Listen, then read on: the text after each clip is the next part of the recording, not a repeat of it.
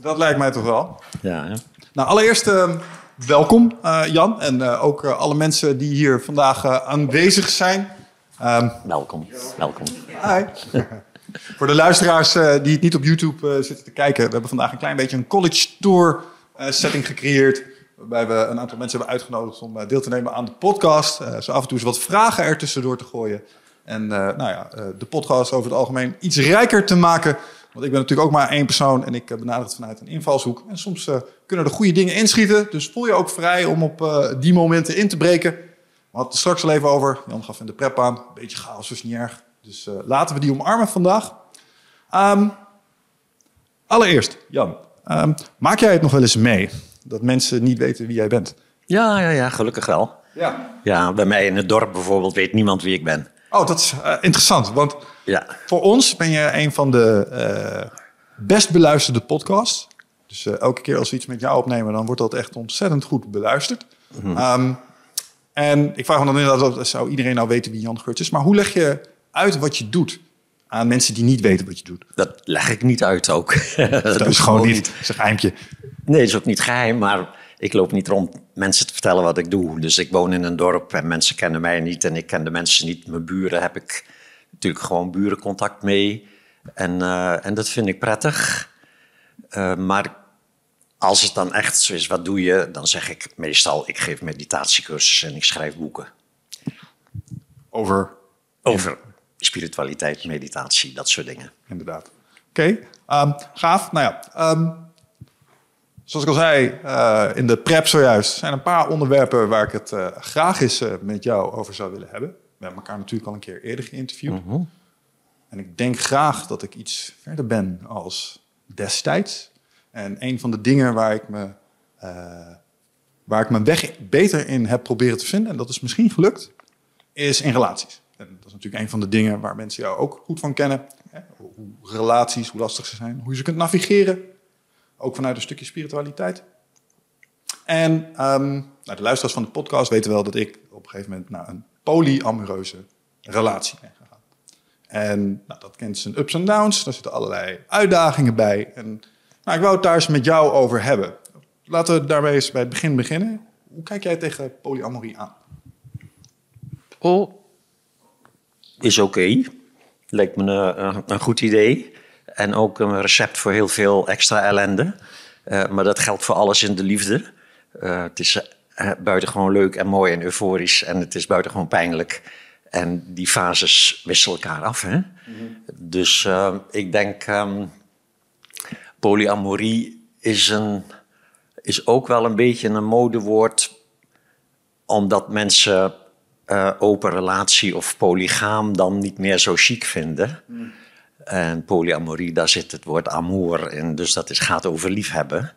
En, uh, dus uh, ik denk dat er, dat er verschillende soorten zijn.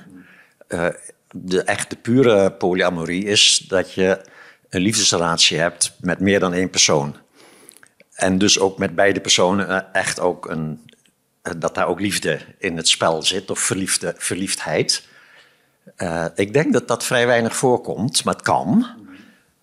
En um, wat je vaker ziet, is dat mensen die een relatie hebben, um, niet toe zijn aan of geen zin hebben in, of zelfs helemaal geen um, een opvatting hebben dat dat helemaal niet goed is om monogaam te zijn. En die openen dan de relatie, die zeggen van het is oké okay, om ook eventueel met een ander intiem te zijn. Mm -hmm.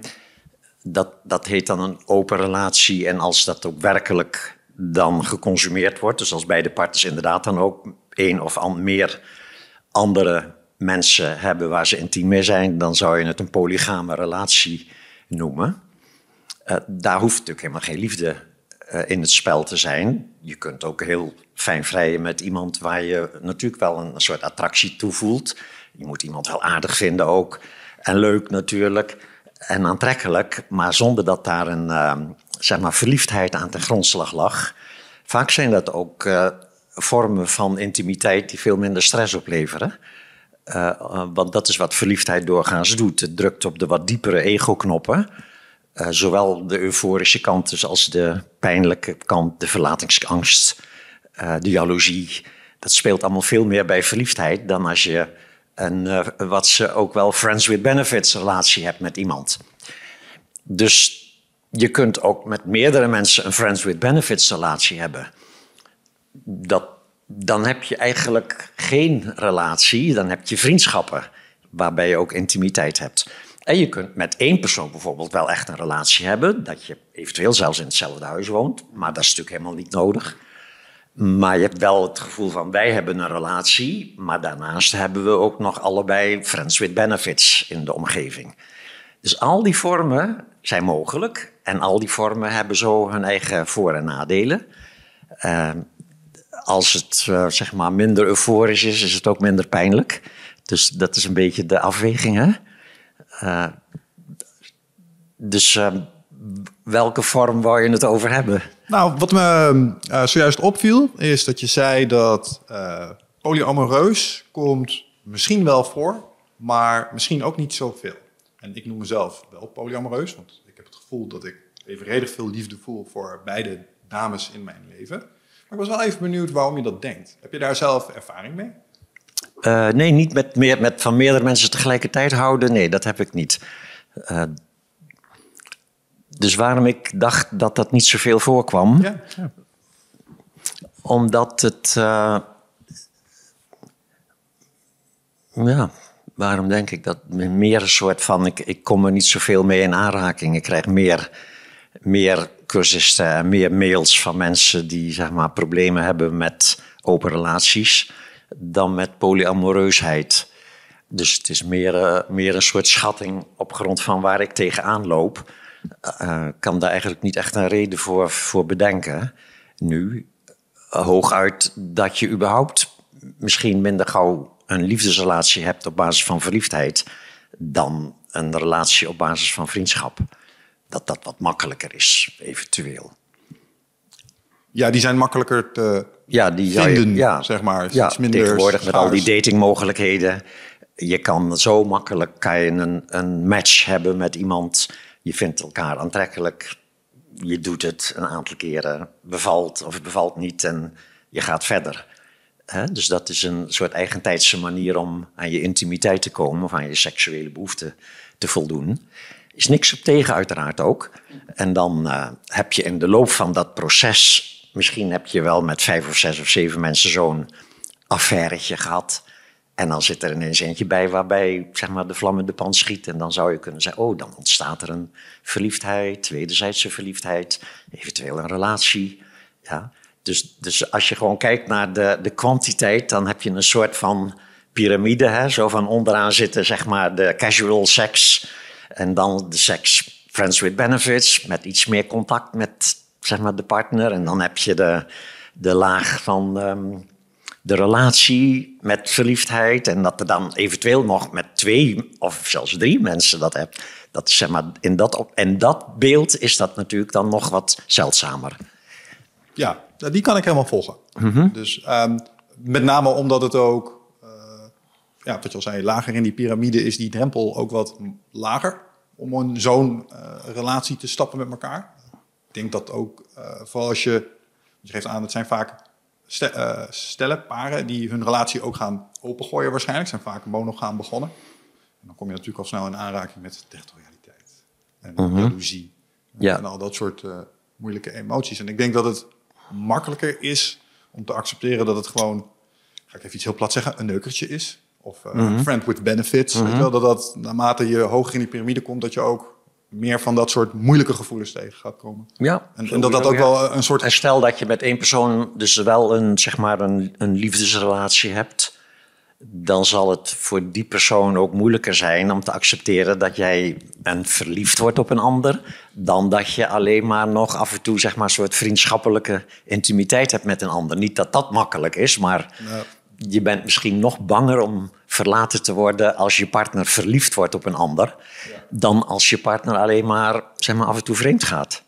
Ja, en ik, wat ik ook denk is dat je om daar te kunnen komen, moet je uh, in toenemende mate soms, en daar kunnen we het wel eens over hebben of dat nodig is of niet, um, maar door hoepels heen springen. Dus om je partner ervan te overtuigen dat het oké is dat je ook van iemand anders houdt, mm -hmm. Uh, daar gaat een ander proces aan vooraf als zeggen, nou het is best oké om eens een keer fysieke intimiteit met iemand te hebben. Dus Mhm. je zult er meer over moeten praten. Ik heb bijvoorbeeld gemerkt, ik heb veel langer gedaan over sommige dingen doen, zoals bij iemand blijven slapen. Mhm. Omdat er een bepaalde mentale intimiteit ook bij kwam kijken. Dus, En dat krijg je niet overal gecheft, ook niet als degene met wie je dat wil opzetten, ook erop moet wachten en daar dan weer geduld mee moet hebben. Dus ik denk dat het ook schaars is, omdat er. Nou, je moet gewoon meer communiceren. Het is moeilijker. Het is een hogere moeilijkheidsgraad, denk ik. Ja, en dan nog, wat, zijn, wat is de status van beide contacten? Heb je met één persoon al een relatie en komt er dan nog een tweede bij waar je ook verliefdheid mee voelt? En dan, dan heb je als het ware een relatie en dan nog een derde persoon. Wat, wat vindt die derde persoon daarvan bijvoorbeeld? Ik krijg best wel regelmatig mails van meestal vrouwen die begonnen zijn met een man die ook getrouwd is. En die man, die, eh, een, een tijd lang vinden ze dat wel oké. Soms zelfs ook wel prettig, want die man is al getrouwd. Dus je gaat niet aan je kop zeuren om een relatie te beginnen. Maar er is wel liefde. Ja, maar eh, merkwaardigerwijs na een jaar of zo, of na twee jaar, ontstaat er dan toch iets vreemds. Eh, namelijk dat je dat derde wiel aan de wagengevoel krijgt als zeg maar, de buitenechtelijke partner. En vaak ontstaat er ook wel iets van dat de partner die dan ook nog getrouwd is, beloftes gaat doen van nee, zodra de kinderen de deur uit zijn, ga ik bij haar weg en dan hebben wij de hoofdrelatie of iets dergelijks. Enfin, het is een recept voor heel veel problemen. Wat er overigens niet wegneemt dat het gewoon gebeurt. Ik, zeg niet van mensen beginnen niet aan, want het levert problemen op. Want wat levert nou geen problemen op op het gebied van relaties? Dus ik vind gewoon dat iedereen die dingen moet uitzoeken op zijn eigen manier. Alleen, het is wel goed om te weten waar je aan begint. Er zitten best wel veel valkuilen in. Valkuilen. Wat zijn de valkuilen die hier, eh, wat jou betreft, eh aan kleven, Jan? Nou, bijvoorbeeld eh, een man en een vrouw hebben een relatie. De man wordt verliefd op een buitenechtelijke, zeg maar, vrouw. Wil daar heel graag ook liefdes mee ervaren. En de vrouw waar die mee getrouwd is, die komt een beetje in een soort situatie terecht van... Van ehm, als je het niet goed vindt, dan ga ik bij, waarschijnlijk bij je weg, want ik heb immers die ander die ook heel erg lief is. Dus, de, dus waarom zou je als vrouw het goed vinden dat jouw man ook nog een liefdesrelatie begint met een andere vrouw, terwijl jij zelf op dat moment geen enkele behoefte hebt aan iemand zeg maar, erbij? Eh, daar ontstaan natuurlijk spanningen. Dus waarom... Ik bedoel, het zou natuurlijk prachtig mooi zijn als die vrouw zegt... ik hou zo van je en ik gun je alle vrijheid... en je moet dit uitzoeken en voor mij is het geen enkel probleem. Maar niet iedereen is zo ruim. Niet alle ego's zijn daartoe in staat, zou je kunnen zeggen. En dan ontstaat er dus een spanningsveld, zou je kunnen zeggen. waar, waar de man heel duidelijk een voordeelpositie heeft. Ja, en, en dat is dus geen, ehm, geen zeg maar, gunstige situatie in een relatie als, de, als de ene, een van de twee duidelijk een machtspositie heeft ten opzichte van de ander. Dat doet een relatie doorgaans geen goed. Hoe los je dit op? Hoe, wat, want ik kan het me voorstellen. Wat is een oplossing hiervoor? Ja, een oplossing is misschien dat de vrouw in kwestie, als ze er wel heel veel moeite mee heeft, dat ze aangeeft dat ze dit niet kan trekken en dat ze uit elkaar gaan. Is het ook te corrigeren, zoiets? Nou, kijk, je kan als, je kan als vrouw zeggen: ehm, als je er niet mee ophoudt, dan ga ik bij je weg. Dat, dat is manipuleren. Maar je kan ook gewoon heel eerlijk zeggen: ik gun het je van harte. Ik heb geen enkele zeggenschap over jou. Je bent een vrije mens. Eh, dat is de spirituele visie ook, hè? Dat beide partners zijn volwassen mensen, hebben geen enkel recht op elkaar. Alleen, het is voor mij zo moeilijk. Het lukt mij niet om dit, zeg maar, met liefdevol gewaarzijn te omhelzen. Het lukt mij niet om dit een plek te geven in mijn leven. Ik blijf hier heel erg bekneld door. Ik blijf hier, zeg maar, ehm, onder lijden. En ik krijg ook steeds toch reacties van dat ik de pest kreeg aan jou ook. En dat ik boos werd op jou en dat soort dingen. Is geen gezonde situatie. Ik trek mij terug uit deze relatie. En het kan beginnen met bijvoorbeeld als je samenwoont om apart te gaan wonen. Want samenwonen en dan ook nog iets daarbuiten hebben is nog moeilijker dan als je, als je een relatie hebt met iemand, maar wel apart woont. Want dan kan de buitenlijk-echtelijke relatie kan dan in ieder geval uit het zicht geconsumeerd worden. Je hoeft dat dan niet mee te maken, letterlijk. Ja? Ik bedoel, als je partner s'avonds om 11 uur bij jou in bed kruipt met de blosjes nog op zijn wangen van zijn bezoek aan zijn andere vrouw, is, is nog veel pijnlijker dan alleen maar weten dat het af en toe gebeurt. Zeker. Ja? Vraag dus- vanuit uh, misschien je ervaringsdeskundigheid. Is het ook wel eens dat het ehm, niet zozeer eh, pijnlijk is? Wordt, wordt zoiets ook wel eens als leuk ervaren in jouw ervaring? Is van, hey, tof dat je het leuk hebt gehad? Of is dat nou altijd toch een soort van een klein beetje eh, lijden? Dat, dat is, uh, dat is dus die idealiter, die ideale situatie waarbij zeg maar de, de partner of verlicht is al en dus überhaupt elke vorm van lijden weet te transformeren in zeg maar liefde en helderheid. Of het is een wenselijk gedrag vertonen, ja, uit angst om iemand kwijt te raken. En dat laatste, die kans is groter uiteraard, want het is gewoon echt heel moeilijk. Het zijn de moeilijkste dingen. Ik bedoel, we hebben allemaal, en we hebben allemaal die identificatie met dat aangeleerde zelfbeeld. Daarin zitten gewoon dat soort dingen. Dus als je werkelijk verliefd bent op iemand, dan wordt een kinderlijk deel van jouw ego wordt getriggerd. En dat is ook altijd het deel wat verlatingsangst heeft en wat jaloezie heeft en wat gevoelens krijgt van ik hoor er niet meer echt bij, ik word niet meer echt gewaardeerd, zelfafwijzing erover ook, waarom vindt die een ander leuker dan mij, dat soort dingen. Dat zit er gewoon allemaal in. Dus als iemand dan zegt van nee joh, wat leuk dat je het leuk gehad hebt, dan zou het best kunnen dat voor die persoon het toch al geen liefdesrelatie was, maar een soort friends with benefits relatie. Want bij dat heb je geen enkel probleem. Ik heb een aantal friends with benefits relaties gehad en die, uh, die dames hadden ook andere mannen waar ze mee omgingen. No problem at all. Ja, duidelijk. Ja, daar woon je uiteraard ook niet mee samen. Maar ook, ook dan is het een groot verschil of je zeg maar, intiem bent met iemand gewoon op grond van vriendschapsgevoelens. Of dat er een soort verliefdheid en soort van geestvernauwing aan ten grondslag ligt. Ja, ik begrijp wat je zegt. Um, komen wat mij betreft aan misschien bij, ik zei er straks in de prep, uh, noemde ik een term, Jedi Mind Trick.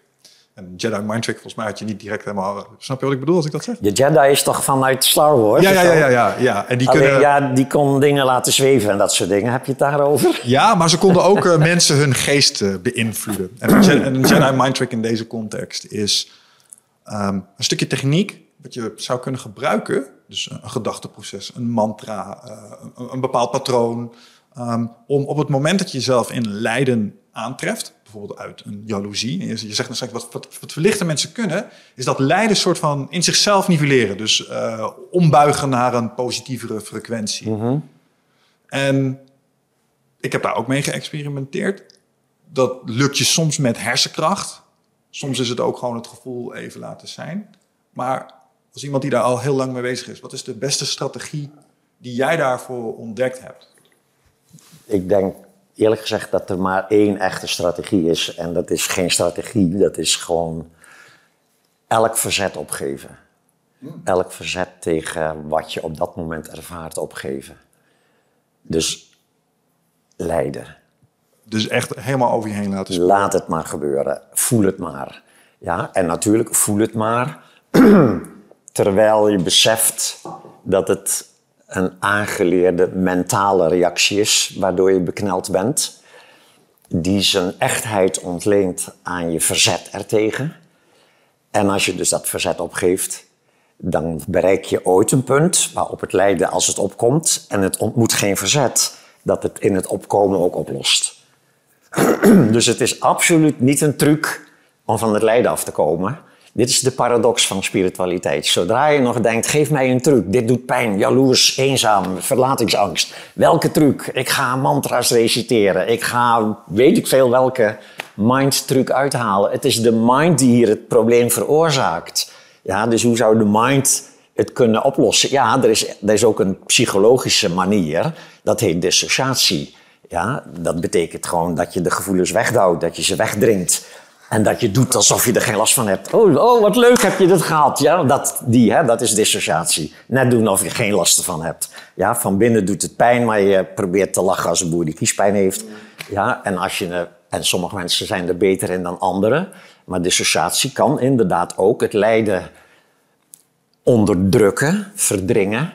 Maar dat betekent niet dat je dan gelukkig bent. Dat betekent dat je in een, in een zeg maar, psychische toestand komt van vervlakheid. Uh, mensen die gedissocieerd zijn, zijn ook altijd gedissocieerd van al hun gevoelens. Dus je kan niet alleen dissociëren van de pijnlijke en dan wel nog euforisch blij zijn en lief hebben en dat soort dingen. Je dissocieert van de hele gevoelslaag. Ja, ik, ik heb dat al jaren zo gedaan. Ik ben zo opgevoed in ja, bij ons thuis waren emoties waren een soort zondes. Van als je dat liet zien, dan werd je uitgelachen en dan was je stom bezig. Ja, dus je leert om dat weg te douwen. En dan kom je in een soort vlakheid. Uh, en dan wat mensen vaak dan gaan doen in die vlakheid, want je gaat dan wel iets missen ook. Namelijk dat gevoel dat je leeft, is een soort, soort halfdood. Ja? En dan uh, ga je surrogaatemoties creëren. En dat doe je bijvoorbeeld door gevaarlijke sporten te doen. Uh, of gewoon roekeloos hard te rijden in je auto. Of casual sex, uiteraard. Ja? Gewoon met willekeurig wie dan ook, als ze maar aantrekkelijk is. Ja? Dus de spanning opzoeken. Dan heb je even nog het gevoel dat je leeft. En uiteraard drugs. Zeker. Ja, dat is heerlijk. Dan kan je weer echt even voelen. Ja?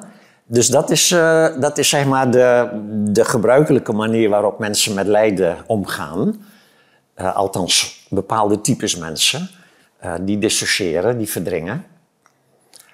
En als je het dus hebt over dit soort, um, dit soort mindsets, dan denk ik, mm, dat klinkt mij een beetje uit de, zeg maar, um, de quasi-spirituele hoek, um, waarbij je trucjes gebruikt om het denken wat te kalmeren tot en met zelfs helemaal te stoppen.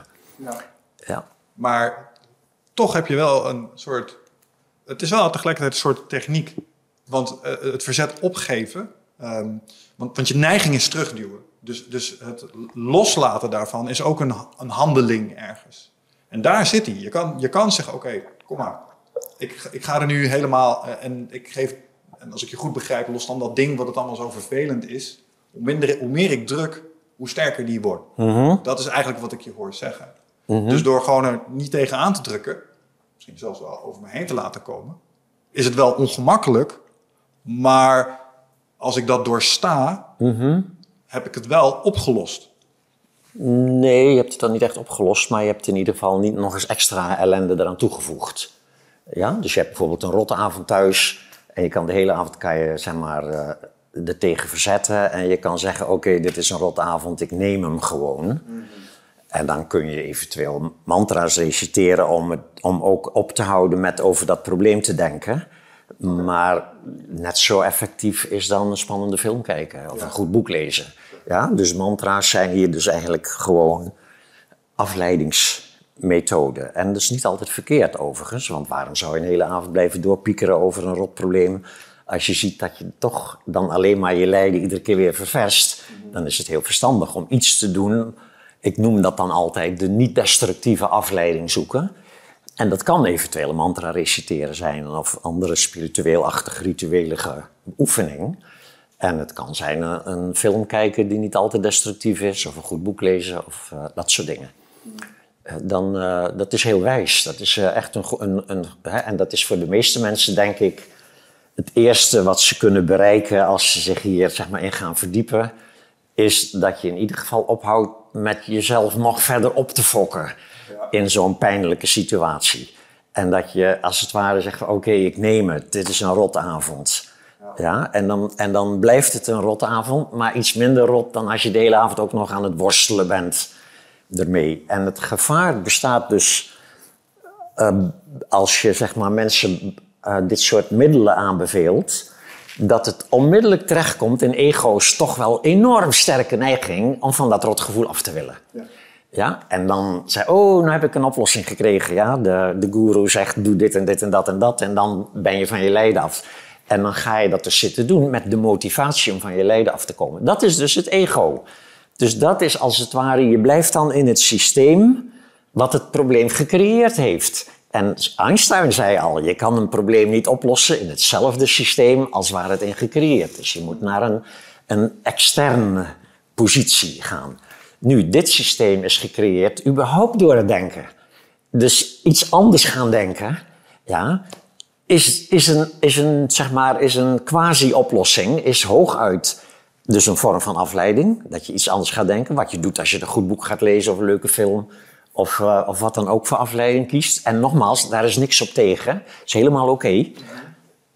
Maar het echte oplossen van het lijden zit er maar in als je uit dat ego-identificatie kunt stappen. Dus als je als het ware kunt ophouden met je te identificeren met dat lijden. En, en identificeren is een soort van moeilijk woord. Maar wat doe je als je je identificeert met je lijden?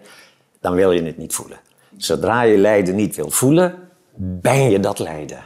Ja, ga maar heel, nou, laat het concreet maken. Je hebt zo'n avond waarin alles misgegaan is overdag. Je zit alleen thuis en je voelt je eenzaam, afgewezen, mislukt. Ik heb zulke avonden. Kloten, ja, ja. zo'n avond, ja.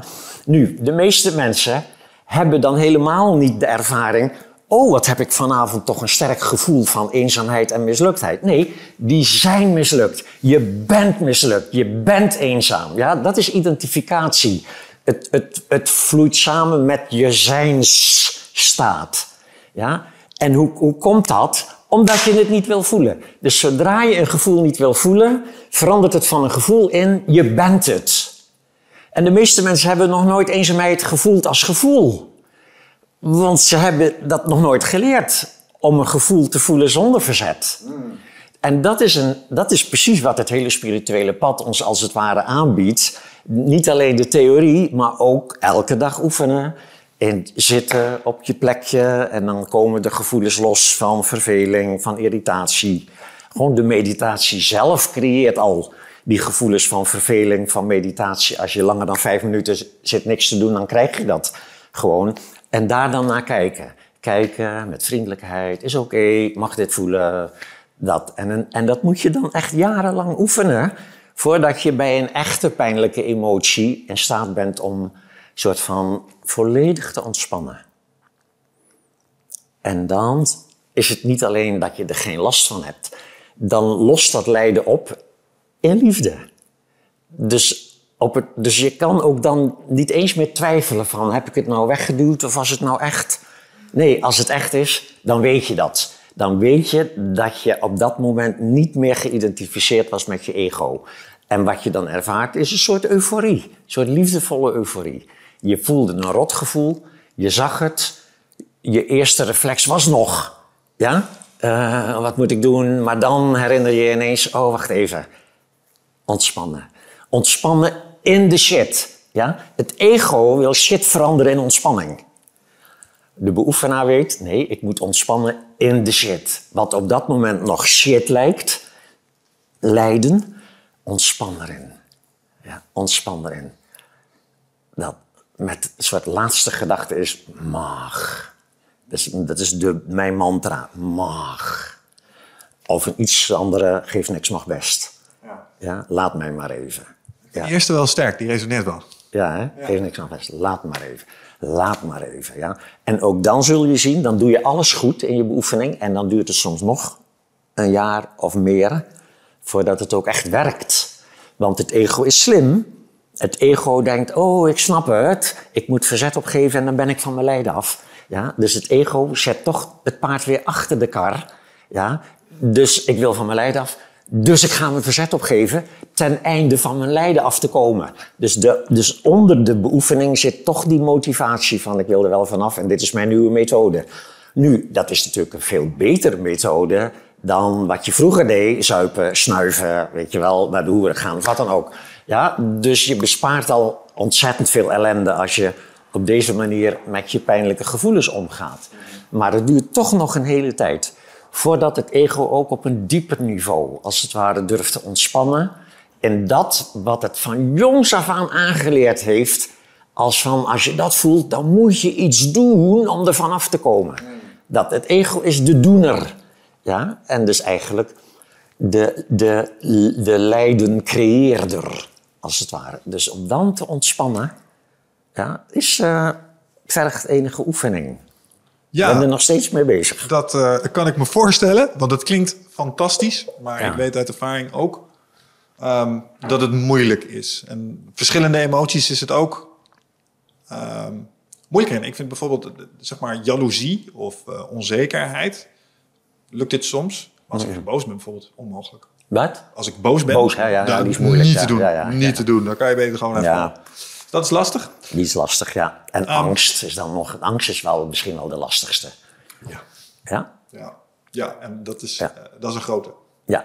Dus dat is eh, allemaal eh, heel herkenbaar. En dat betekent dus oefenen, oefenen, oefenen. En dan natuurlijk het meest zeg maar, het bevredigende van dat spirituele pad is dat je al inderdaad daarin een soort ontwikkeling ziet. Hè? Dat je met zeg maar, emoties waar je een jaar geleden nog van tegen de gordijnen oploopt. En vandaag zie je van, ik zie hem, weet je wel, deze herken ik op tijd. Ja. Dan, eh, en dat geleidelijk aan. Hè? Dat begint soms al bij de hele lichte irritaties. Je laat iets kostbaars uit je handen vallen en het is kapot. Nou, vroeger vloekte ik mezelf helemaal stijf. Van lul, klootzak, weet je wel, stommeling. En dat op een gegeven moment krijg je dan door van... What's the problem? Ja, want dat zijn de makkelijkere. En dat kun je soms al na een jaar of zo... Hè? En dat is een speciale manier van beoefenen uiteraard. Die eh, methode die, eh, die ik geleerd heb bij Tibetaans boeddhisme, waar het, daar heet het Dzogchen.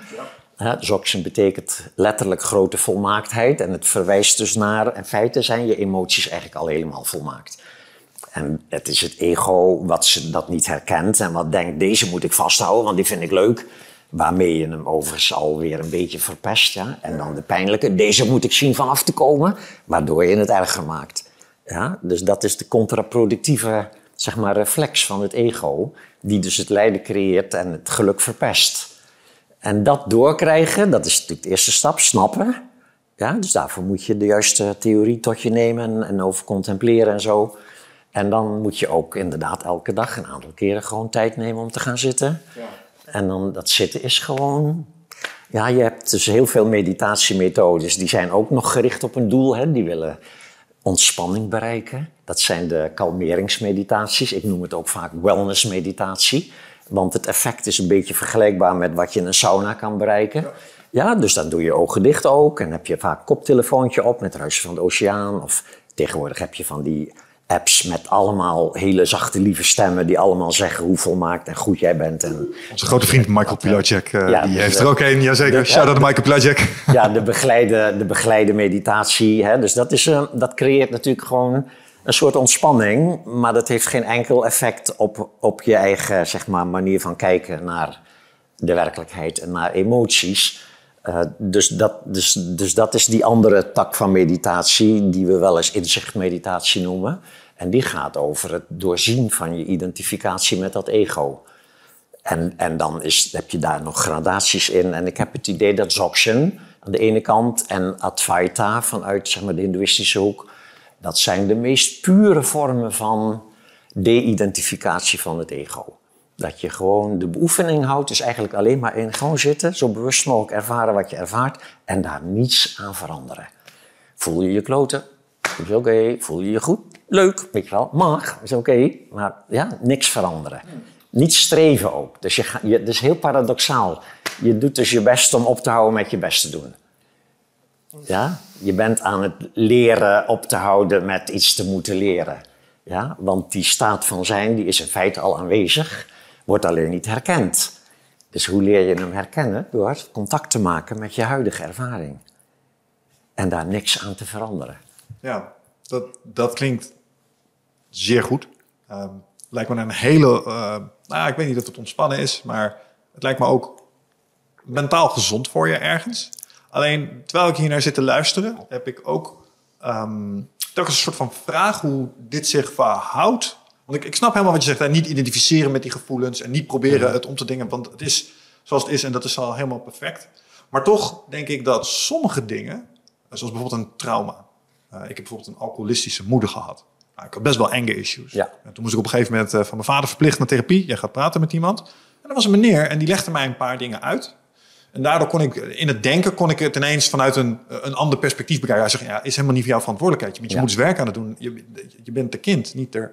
En toen, ja, oké, dan moest er dan even iemand anders horen. Maar toen kon ik er ineens anders over nadenken. Ja.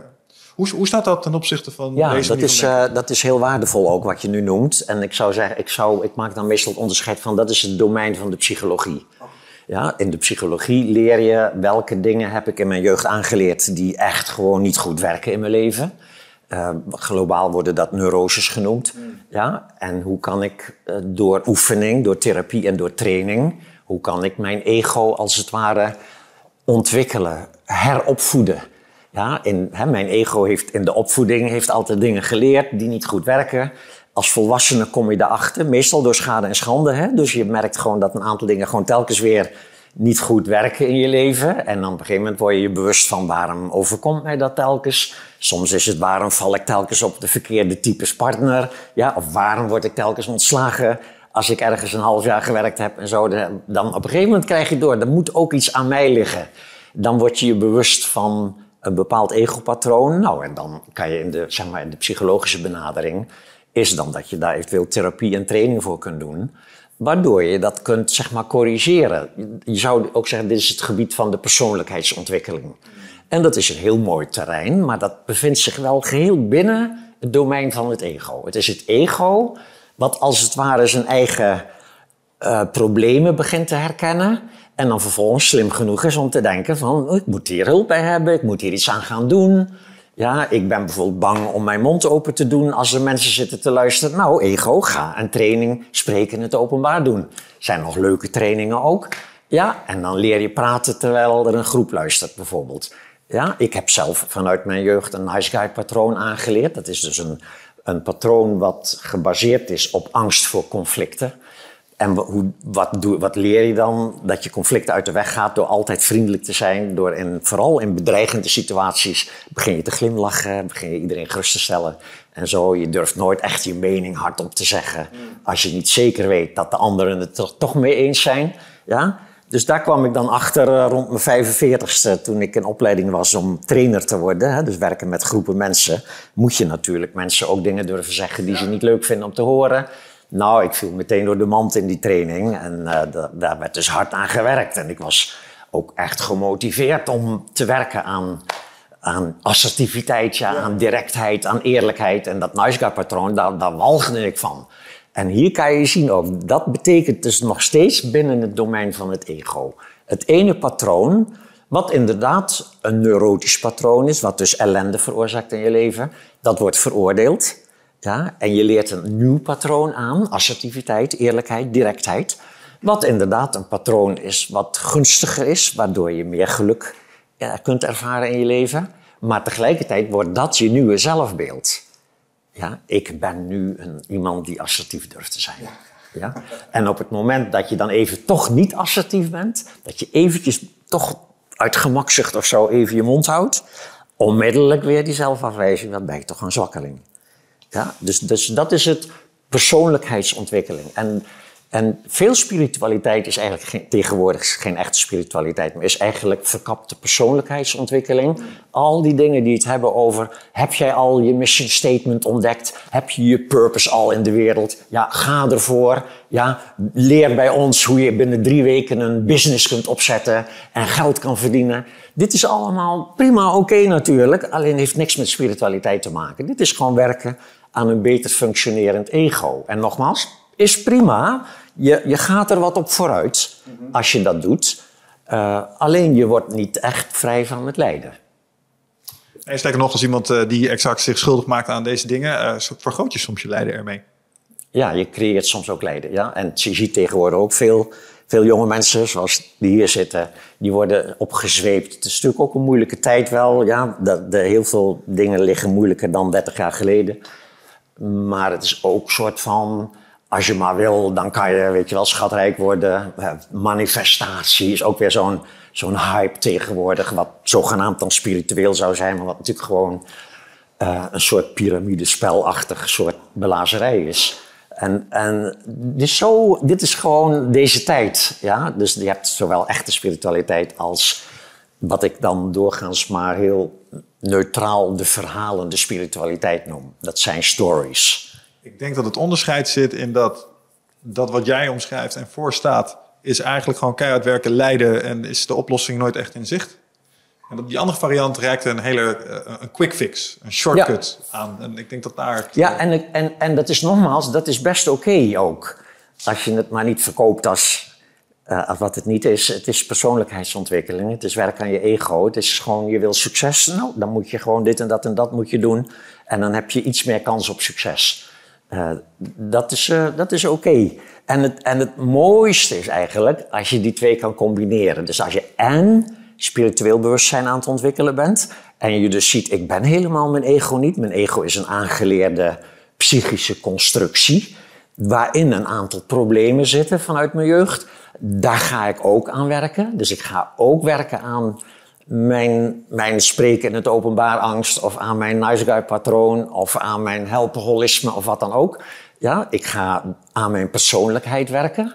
Maar tegelijkertijd zie ik dat ik dat niet ben. Dus, er zit, dus die angel van die zelfafwijzing, die haal je eruit. En je gaat dus aan je persoonlijkheid werken vanuit plezier wat je erbij hebt. En niet vanuit, je bent een rund en nou moet je maar eens aan jezelf gaan werken om eindelijk ook eens een keer succesvol te zijn. Sure. Ja? Um, ik ben je niet vergeten, ik ga je zo uh, je vraag laten stellen. Um, wat, waar ik hier wel aan moet denken is, zou het zo kunnen zijn dat het ego eerst een bepaalde omvang moet bereiken voordat het over kan gaan tot die manier van denken die je zojuist omschrijft. Omdat als ik bijvoorbeeld om me heen kijk en ik, ik zie uh, mensen in hun uh, leven, zeg maar, uh, hun leven proberen te leven, dan zijn ze aan het struggelen met van alles. Hun werk, de, zeg maar allerlei verschillende gewenste uitkomsten, zeg maar, hoog houden in de lucht. En, mm -hmm. ik heb hier een keer een podcast gehad, dat was meneer David Allen. En die heeft een hele mooie analogie. En die zegt, um, voor de meeste mensen om uit te komen waar ze willen komen, is een soort tropisch eiland waar ze naartoe willen. Dus laten we zeggen dat spirituele verlichting een tropisch eiland is waar we naartoe zouden willen. Alleen om daar naartoe te gaan, moeten we in een vliegtuig stappen en dan moeten we er naartoe vliegen. Alleen het probleem is dat voor de meeste mensen die in een vliegtuig gaan zitten, dat de startbaan ligt vol met allemaal dingetjes. En uh, die dingetjes die moet je, moet je managen. Dus uh -huh. die moet je ervan afhalen, die moet je afslepen. Dat is je shit voor elkaar krijgen. Dus uh, ja. je baan op orde hebben en dat soort dingen. En dat wordt heel ja. erg gedreven vanuit het ego. Maar je moet dat ego wel eerst voelen om te denken... ja, ik ga dat doen, want ik verdien dat potverdikkie. En dan op een gegeven moment heb je een bepaalde staat van je dingen voor elkaar. En dan ontstaat er pas ruimte om daar... om ineens, oh, nu heb ik bandbreedte over om na te denken over verlichting en ikigais en ja, purposes. Ja, ik snap wat je bedoelt. Ja, ik vind die, uh, die beeldspraak van het vliegtuig naar het tropisch eiland niet gegoed... Uh, want dat is ook weer een doel in de verte. En dat is nou juist altijd het ego. Het ego exact. denkt altijd, ik moet gewoon een punt bereiken waarop ik altijd gelukkig ben. Ja, en in het begin doet ego dat door keihard te werken... of door heel veel geld te verdienen... of door heel veel seks na te jagen of wat dan ook. En dat levert dan de ellende op... waar het ego een klein beetje wijs door wordt. Want wijsheid kan ook ontstaan door schade en schande. Ja, ja en dat is vaak dan het punt van... oké, okay, bijvoorbeeld bij een burn-out... Ja, of ja. bij welke, zeg maar, dat je alsmaar relatieproblemen hebt en dat je op een gegeven moment dan toch je gaat afvragen van wat doe ik verkeerd in plaats van wat was het toch ook weer een klootzak waar ik een relatie mee begon, ja. En dan, en dan, dus dat is vaak, het ego moet eerst als het ware door schade en schande ontdekken dat die strategie met hard werken en veel geld verdienen en dat soort dingen, dat die niet of maar ten dele werkt. Ja. En dat opent dan vaak de, het perspectief op spiritualiteit. Ja. Dus, dus daar zit eigenlijk ook een soort paradox. We hebben dat stukje Ja, maar nodig. dan nog is het vaak toch het ego wat spiritualiteit eerst toch beschouwt als een nieuw soort worst die voor zijn neus hangt. Nou heb ik het gevonden. Oké, okay, dus geld niet en seks niet en, en succes is het ook niet. Het is verlichting. Ik ga zitten, weet je wel. Ga je, ik ga lang en dan wordt heel ambitieus. Ga je dan je meditatie doen. En het mooie is nu, de Boeddha, de verlichte, een van de leraren die dit in de wereld gebracht heeft, die had dat natuurlijk al door. Dat het altijd eerst het ego is. Wat denkt, ja, ik ga spiritualiteit beoefenen.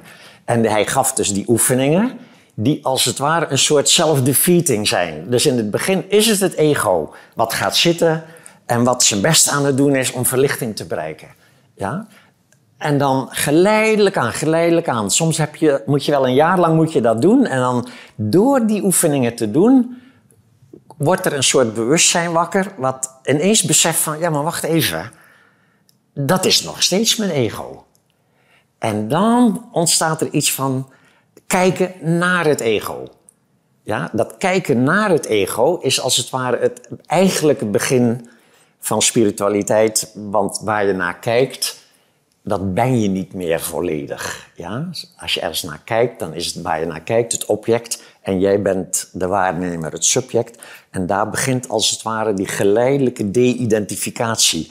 Dat geleidelijk je losmaken van, wacht eens even, nee, ik ben het ego niet. Ik ben datgene wat bewust kan zijn van het ego.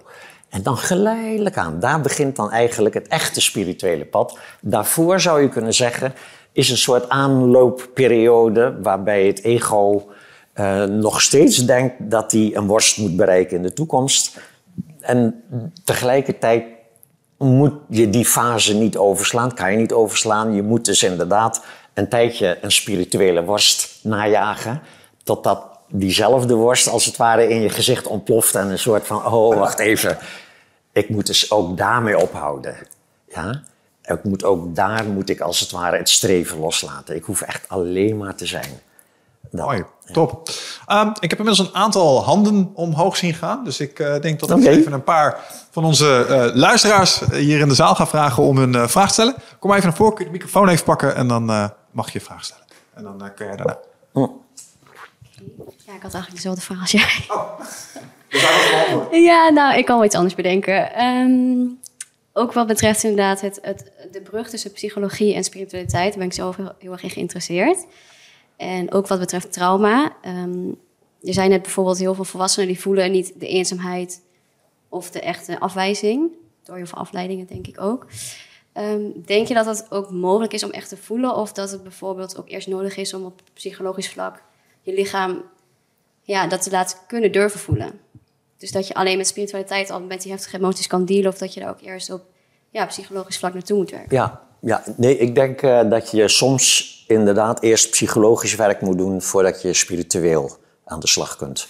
Als de ellende te groot is, mensen met een depressie, uh, mensen met een, uh, een, een, pittige, een zware verslaving, die kunnen wel doen alsof ze spiritueel beoefenen. Een soort van, oh, ik kijk naar mijn depressie, ik ben mijn depressie niet. Of ik kijk naar mijn verslaving, ik ben mijn verslaving niet. Maar ondertussen wel doorgaan met snuiven. Dat is dweilen met de kraan open. Dus voor die mensen is echt het advies, wacht nog even met dat kijken naar je gedachten. Want die gedachten zijn zo heftig, zijn zo krachtig. Je bent daar zo mee geïdentificeerd dat dat kijken naar je gedachten eigenlijk alleen maar meer gedachten oplevert. En dan kun je beter eerst zeg maar een, een psychologische, een therapeutische benadering kiezen voor een depressie bijvoorbeeld.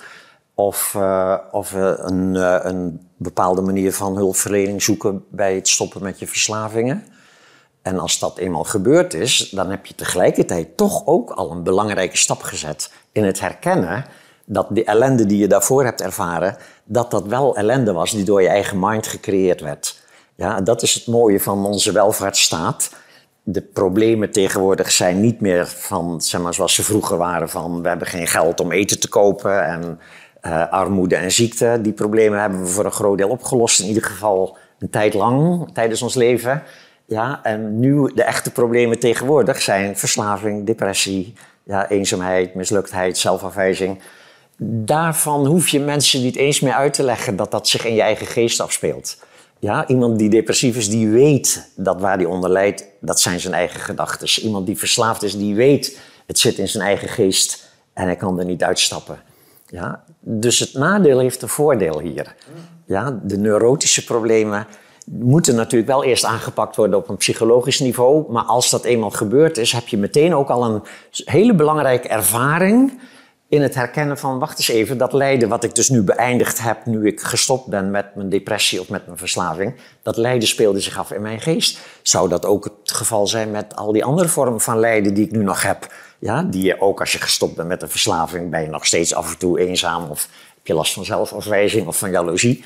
En dan weet je al, oh, dat zal ook wel in mijn eigen geest zich bevinden. De omstandigheden zijn natuurlijk altijd de aanleiding om dingen te voelen, maar het eigenlijke lijden speelt zich af in je eigen geest door het niet willen voelen ervan. Hè? Ja. Mag ik nog even volgvragen stellen? Ja, ga je gang. Um, ja, ik denk dus, als ik nou, vanuit mezelf spreek, uh, dat je dus dan heel snel op het spirituele pad komt, waar je eigenlijk misschien eerst een beetje het psychologische traject ook nog in moet gaan. Uh, kom je veel van die mensen tegen en raad je die dan ook, ja, dat je dan tegelijkertijd doet? Of raad je ze dan af om ook spiritueel te beoefenen? Nee, want kijk, als het niet om die hele zware problemen gaat, ja. maar er zitten nog wel een aantal onopgeloste zaken in jouw ego.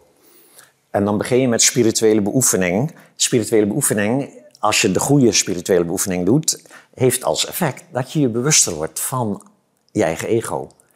Dus misschien had je het eerst nog niet door, maar als je een jaar lang uh, Dzogchen beoefend hebt, dan krijg je onmiddellijk, na een tijdje, krijg je echt in de gaten dat jij, wat dan ook, voor angst of beknelling of uh, uh, zelfafwijspatroon hebt. Dus je wordt je dan wel bewuster van die patronen. Die kunnen voor een deel ook oplossen in het spiritueel beoefenen, maar voor een deel zul je op dat moment ook besluiten, daar moet ik dus ook psychologisch mee aan het werk. Dus je hebt een valkuil, dat heet spiritual bypassing. En dat is dat mensen spirituele beoefening doen. Dat ze weliswaar bewust worden van bepaalde ego-problemen. In de jeugd aangeleerde, zeg maar, beknellingen. Maar dat ze al zo goed zijn in een soort zich daarvan afwenden. En het is niet echte verlichting dan. Het is toch een soort van um, dissociatie, maar dan met een soort spiritueel jargon eromheen. Uh, dan, hè, bijvoorbeeld in Advaita heb je dat ook heel sterk.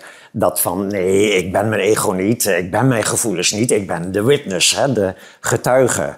In dat, dat is op zich ook waar. Jij bent je gevoelens niet, je bent het bewustzijn van je gevoelens. Maar daarin zit natuurlijk ook heel sterk een soort van afstandelijkheid creëren. Uh, ik kijk er vanaf een afstand naar. Die afstand wordt dan een soort van dissociatie.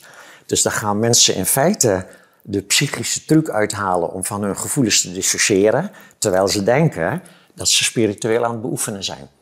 Ja? Dus al die valkuilen. Maar het mooie is nu dat als je hierin terechtkomt, dat dat na een tijdje de problemen oplevert die maken dat je je bewust wordt van het feit dat je aan het dissociëren bent. Ja? Want dissociëren levert vlakheid op. Dus ik heb wel eens mensen die zeggen: Ik ben al een jaar of tien aan het mediteren, gaat hartstikke goed. Al die nare gevoelens die ik vroeger had, helemaal oké, geen last meer van. Maar het is zo saai allemaal. Ik heb nou nooit eens een keer echt gewoon geluk. Echt euforisch soort geluk. En dan weet ik al genoeg. Dan zei oh, dan heb je toch in ieder geval voor een deel je meditatie gebruikt als een vorm van afsplitsen van je gevoelens. Dus de, de echte beoefening maakt niet dat je nare gevoelens verdwijnen, maar dat je ze juist steeds beter, steeds beter kunt voelen, maar steeds minder verzet ertegen hebt. En als het verzet dan eenmaal weg is, dan is het lijden weg. Dus het, het gevoel hoeft niet eens weg. Het is alleen het lijden onder het gevoel wat verdwijnt. Dus je kunt jaloezie voelen en dan op een gegeven moment geef je je verzet op. Ik mag dit voelen, dit is helemaal oké. Dan lost die jaloezie op in die heldere, liefdevolle staat van waaruit je keek naar de jaloezie. Dus dat is eigenlijk het bijzondere. Het lijden lost op in de liefde waarmee je kijkt naar het lijden. Dus je moet niet alleen maar je verzet opgeven. Dat is als het ware het eerste stadium. Maar je moet ook nog houden van de emotie waar je op dat moment onder lijdt. Dat houden van is een heel speciaal soort manier van kijken. Dat, en en dat, daar kan geen enkel lijden tegenop. Zodra dat gebeurt, lost dat lijden op in de liefde waarmee je het omhelst. En dan zie je dat lijden eigenlijk altijd al liefde was, maar in een beknelde vorm. En dat is wat vaak gebeurt in relaties. Ja? Want waarom leid je zoveel in relaties? Omdat er ook liefde is. Ja, je, wil, je leidt er niet onder als de bakker drie straten verderop vreemd gaat. Ja, maar wel als de persoon waar jij van houdt vreemd gaat. Ja? Dus hier zie je al, lijden en liefde zijn intiem met elkaar verbonden. Nu, en hoe werkt dat? Lijden is niet herkende liefde. Zolang je dit niet herkent, denk je, ik moet er vanaf. Dat is verharding. Ja? Verharding, daar lijden we onder. Zodra je kunt verzachten ten opzichte van je eigen lijden, zachtheid, je hart openen, ja, daar kan lijden niet tegen, want dan herken je het als wat het altijd al was. Dus het, het verandert niet eens, het was altijd al liefde. Maar het werd niet herkend door jouw aangeleerde reflex van... ik moet hier vanaf, ik moet iets doen. Ja? Mooi gezegd, dankjewel. Ja. Je bleef heel keurig staan. Ja. Is jouw vraag nog relevant? Kom. thanks. Ehm, het ging net over het, het, niet hebben van een doel tijdens de meditatie. Toen hoorde ik je zeggen over het, het verlicht raken. Daar ging, daar ging het over, over verlicht raken. Maar zodra je merkt dat je in een verlichte staat bent, ben je weer terug in het ego. Heb ik dat goed begrepen? Nee, nee dat, zo heb ik dat niet bedoeld. Ik, ik, eh, we, hebben het, we hebben het gehad over verlichting als een soort doel in de toekomst. Als een soort worst voor de neus van het ego. Het ego wil graag verlichting bereiken, want het lijkt alsof verlichting het einde van al je problemen is. Ja. Ja, en het ego stelt zich dat voor als een soort ideaal ego. Het, voor het ego is verlichting een soort ideaal ego. Zoals het ego graag zou willen zijn. Dat van no problem, nergens last van, genieten, weet je wel. En als je mensen hoort spreken over een vakantieervaring of zo, dan gaat het altijd daarover. Dat als een leuke vakantie, dan was het genieten en geen problemen en zo. En dat denken mensen dan ook bij verlichting. Nooit meer jaloers als je partner, weet je wel, nooit meer eenzaam. Nee, dat is helemaal niet wat verlichting is. Verlichting is herkennen dat jij al die gevoelens niet bent. Dat de gevoelens hoeven niet weg. Jij verdwijnt als het ware. Ja, jij, je ego, je identificatie met het ego, die verdwijnt. En, en hoe verdwijnt die? Door de reflex van het ego, namelijk streven naar iets beters, door die als het ware los te laten. Dus als het ego zich ontspant, ervaart het liefde en geluk. Maar een doorgaans kan het ego zich alleen maar ontspannen als het krijgt waar het zich op gericht heeft. Dit is dus precies ook waarom uh, verliefdheidsrelaties zo'n diep gevoel van liefde in ons kunnen opwekken. Zelfs een soort onbaatzuchtigheid in het begin, een soort totaal soort openheid in het begin. Ja, dat maakt het zo bijzonder. Maar het ego, hoe komt dat? Omdat het ego zijn hele leven lang gehoopt heeft om die ene te vinden. Dat is een van de meest diepe verkrampingen in ons ego. een van de belangrijkste doelen is die ene te vinden die er altijd voor je is, altijd van je blijft houden, tot de dood ons scheidt en nog langer. Ja, dat, is, dat wil je heel graag. En op het moment dat je iemand tegenkomt die de indruk wekt dat te kunnen doen, nog meer. Ja, je weet toch hoe het is als je verliefd bent op iemand en het is nog niet uitgesproken. Dat is een obsessie van hier tot Gunter. Enorme spanning. En dan komt dat moment dat de ander zegt, ik ook van jou. Het hoogste doel is bereikt. Het ego ontspant zich. Het ego is niks anders dan een verkramping die ons afhoudt van de inherente staat van liefde en geluk. Die verkramping die ontspant zich dan even omdat een doel bereikt is. Wat ervaren we dan? Onze, eigenlijk onze verlichte staat van zijn. Maar omdat we dat niet hebben leren zien als zodanig, denken we, het is die ander die mij dit geluk geeft. Ik moet hem vasthouden. Deze wil ik voor altijd bij me houden. En vanaf dat moment gaat het ego opnieuw zich verkrampen. Eerst verkrampte die in, ik wil een liefde vinden in mijn leven. Dan vind je hem en er is een tijd lang is er euforie en liefde en openheid. Maar al vanaf dag één begint een volgend project vasthouden, uh, vast afspreken. Ja, een nieuwe verkramping. En dat is waarom de liefde die je in het begin voelt voor een partner bij wederzijdse verliefdheid, geleidelijk aan verdwijnt. Ja, na vijf jaar is dat weg. Gewoon. En in het gunstigste geval komt daar een soort vertrouwdheid, gezelligheid, verbondenheid eh, voor in de plaats. Maar ook vaak een gemis aan dat bruisende, aan dat diepe. Ja, en dat is waarom na een tijdje dan komen we weer bij het eerste onderwerp, dat je ineens verliefd wordt op een ander. Ja, die nog op dat moment wel een zelfstandig mens is ten opzichte van jou. Ja, daar word je dan weer verliefd op. Ja, dus dit is de nutshell eigenlijk, het hele geheim. Dus je kunt verliefdheid ook gebruiken als spirituele beoefening. Als je, moet je wel een beetje al thuis zijn in deze materie. Doorgaans als je verliefd wordt, haalt dat jou heel erg uit je spirituele beoefening. Want het is zo ontzettend zuigend. Zo, ja, je kan aan niks anders meer denken zelfs. Maar als je eenmaal dat stadium bereikt hebt waarin je in staat bent om naar je eigen geest te kijken, dan kun je dus ook op het moment dat er zich een persoon in jouw leven aandient die ik ook van jou tegen jou zegt, die jij ook heel lief vindt en die vindt jou ook heel lief. Dat ego ontspant zich. De liefde die dan gevoeld wordt, die kun je dan natuurlijk, je kunt dus wat je altijd vroeger deed, op die ander projecteren. Dan moet je je gaan vastklampen aan die ander, maar je kunt op dat moment ook de blik omkeren en zeggen van, oh, oh, waar komt dit uit voort? Waar, waar, waar, waar, hoe, hoe kan ik dit voelen?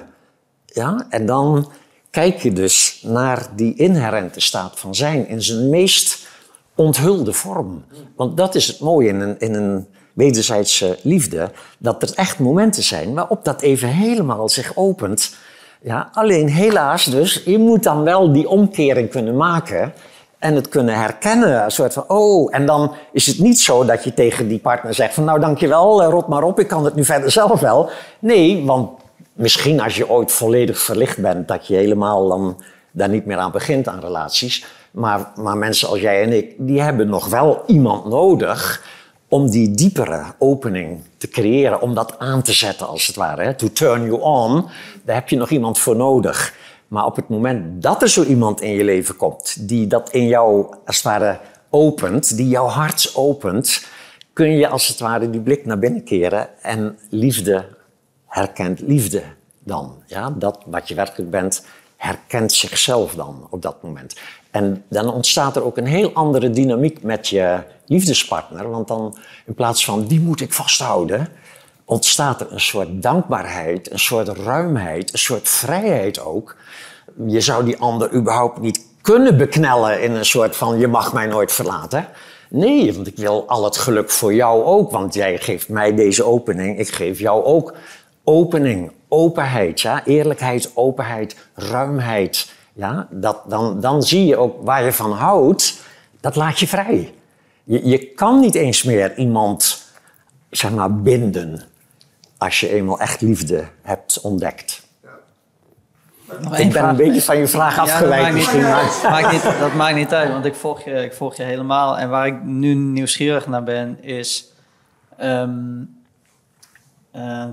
we lijken dus heel erg op zoek naar een gevoel wat we nooit hebben ervaren. Of de meeste mensen niet, de mhm. verlichting. Wat maakt nou dat wij daar zo naastig naar op zoek zijn, denk jij? Ja, ik denk dat dat, dat is een mooie vraag. Want dat geeft eigenlijk al aan dat, dat, dat ook als mensen volledig geïdentificeerd zijn met hun ego... en heel erg zeg maar, in hun eigen gedachtenstroom verstrikt zitten er altijd dat verlangen is. We verlangen altijd naar die openheid, naar die vrijheid, naar die liefde. Waarom? Omdat het in feite is wat we werkelijk zijn. Maar waar we van vervreemd zijn door zeg maar, dat aangeleerde zelfbeeld. En niet zozeer door het aangeleerde zelfbeeld, maar door de identificatie ermee. Ja, dus ook dit is weer heel belangrijk. En veel spirituele tradities wordt het ego beschouwd als de grote schuldige van al het lijden. Nee, ego is niks mis mee. Het ego heeft bepaalde pijnlijke aspecten, weliswaar. Maar het eigenlijke probleem is de identificatie ermee. En dat kan je als het ware leren loslaten. En het ego zal dan uit zichzelf veranderen in een soort instrument om die liefde die je dan in jezelf hebt geopend, om die te delen op welke mogelijke manier dan ook. De een doet dat misschien door over spiritualiteit te praten. Een ander doet dat door muziek te maken die mensen hun hart opent. Of door boeken te schrijven of eh, verhalen of wat dan ook. Ja? Dus als je eenmaal daarmee in contact bent, dan gaat er iets stromen. Uh, en dan kun je ook vaak herkennen, zeker bij artiesten kun je herkennen of het werkelijk vanuit die binnenkant komt. Van, of een artiest in die flow zit, of dat een artiest gewoon alleen maar heel handig is in het bespelen van trucjes. Ja, dat is vaak wel te voelen dan ook. Ja, ja ik vind echt, um, de, wat je zojuist zei over het ego, dat eigenlijk, uh, en de angst die het genereert, eigenlijk liefde is in een verkrampte vorm. Uh, riep bij mij heel erg het beeld op van een droge spons. Die als je die in water gooit, helemaal, hup, zuigt hij die liefde mhm. op, is hij helemaal open. En naarmate je hem weer op het droog legt, dan gaat hij langzaam maar zeker weer opdrogen. En dan wordt hij weer helemaal verkrampt. En volgens mij is dat, dat opdrogen is wat het allemaal zo pijnlijk maakt. Ja, ja, dat is mooi. Ja, je zou kunnen zeggen, en dat dit voorbeeld zou je. Het, de spons is het ego, het water is het, zeg maar, het onmetelijke bewustzijn. Zodra het ego ophoudt met zeg maar, zijn, zijn eigen agendaatje, zijn doeletjes na te streven. en zich durft te ontspannen, is eigenlijk alsof het ego dat onmetelijke bewustzijn als het ware begint toe te laten. En steeds meer als het ware ontdekt dat dat is wat je werkelijk bent. Ja. Oké, ik heb zo nog een vraag over dat uh, onmetelijke bewustzijn. Maar voordat we dat doen. oh ja, Yes, thanks. Um, ja. Uh, er zijn heel veel dingen voorbij gekomen, dus ik moet even mijn vraag een beetje mhm. bundelen. Oké. Ehm, het woord moeten hoor ik meermaals voorbij komen. Ik heb altijd mezelf soort aangeleerd als ik met mijn leerlingen bezig ben, vermijd ik het woord moeten, want dat, dat drukt op een knop. Dat drukt op een knop ergens. Ja, nobody tells me what to do.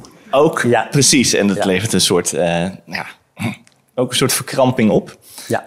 Uh, ik hoor het wel meermaals voorbij komen. En ik hoor ook het verhaal. En ik zat ook een beetje te denken, hadden het eerder over van of je DocChain hebt of non-dualiteit of iets. Het zijn allemaal dingen die een soort van meerdere wegen die naar een soort Rome ergens wijzen. Mhm. Waarin dan smaakverschilletjes zitten. In hoeverre is er nog voor het poppetje iets te doen? Kan ik, ja, kan ik gaan zitten, eh, mediteren en zo? Daar kan ook een soort strengheid uit, uit voortkomen. Ja. Uh, ik was gewoon benieuwd hoe dat, hoe dat voor jou is. Ik hoor ook een soort iets van dat het eerste soort, misschien hoor, misschien lees ik het in, dat er een soort strengheid in zat in dat moeten. Dus mijn hele alles gebundeld. Mijn vraag is eigenlijk heel kort: wat is moeten nu voor jou op dit moment? Nee, dat is, uh, dit is wat ik. Uh, in feite hadden we het er net al heel even erover. Dat in het begin van de spirituele pad is het bijna altijd gewoon het ego. Wat gefascineerd raakt door een soort beeld van wat verlichting dan is. Mhm. Namelijk het einde van al je shit. Mhm. Ja, dat wil ik ook. Dus daar ga je je best doen. En daar zit dan ook vaak inderdaad moeten in. Want ego vindt het niet leuk om op een stoeltje of een krukje te gaan zitten... En, en een kwartier lang niks te doen zonder telefoon te kunnen raadplegen en dat soort dingen. Dus daar zit een soort discipline zit daarin in het begin. Mhm. En, en ik vrees dat dat bijna onvermijdelijk is. Uh, in mijn cursussen leer ik mensen wel meteen al af van nee, doe dat dan niet. Weet je wel, ga dan in godsnaam eerst nog gewoon, leef je ego maar eerst helemaal uit. En begin pas aan spiritualiteit als je een beetje snapt dat het juist het ons moeten is waar je in oefent. Maar hier zit natuurlijk toch die paradox in. Want je moet toch wel een aantal keren per dag... moet je gewoon toch vijf of tien minuten... moet je op een krukje gaan zitten of een kussentje... en je radio en je tv uitzetten... en dan gewoon zitten en, dan, en wat je dus oefent is dan niks doen, niks hoeven, niks moeten. Maar ten opzichte van de rest van jouw dag moet je dus eigenlijk wel toch het besluit nemen om die keren op je kussentje te gaan zitten en niks te moeten. Dus hier zie je weer diezelfde paradox. Dat streven naar het einde van het streven. Dat je best doen om op te houden met je best te doen. Ja, dat je moet toch echt leren ophouden met moeten. Ja?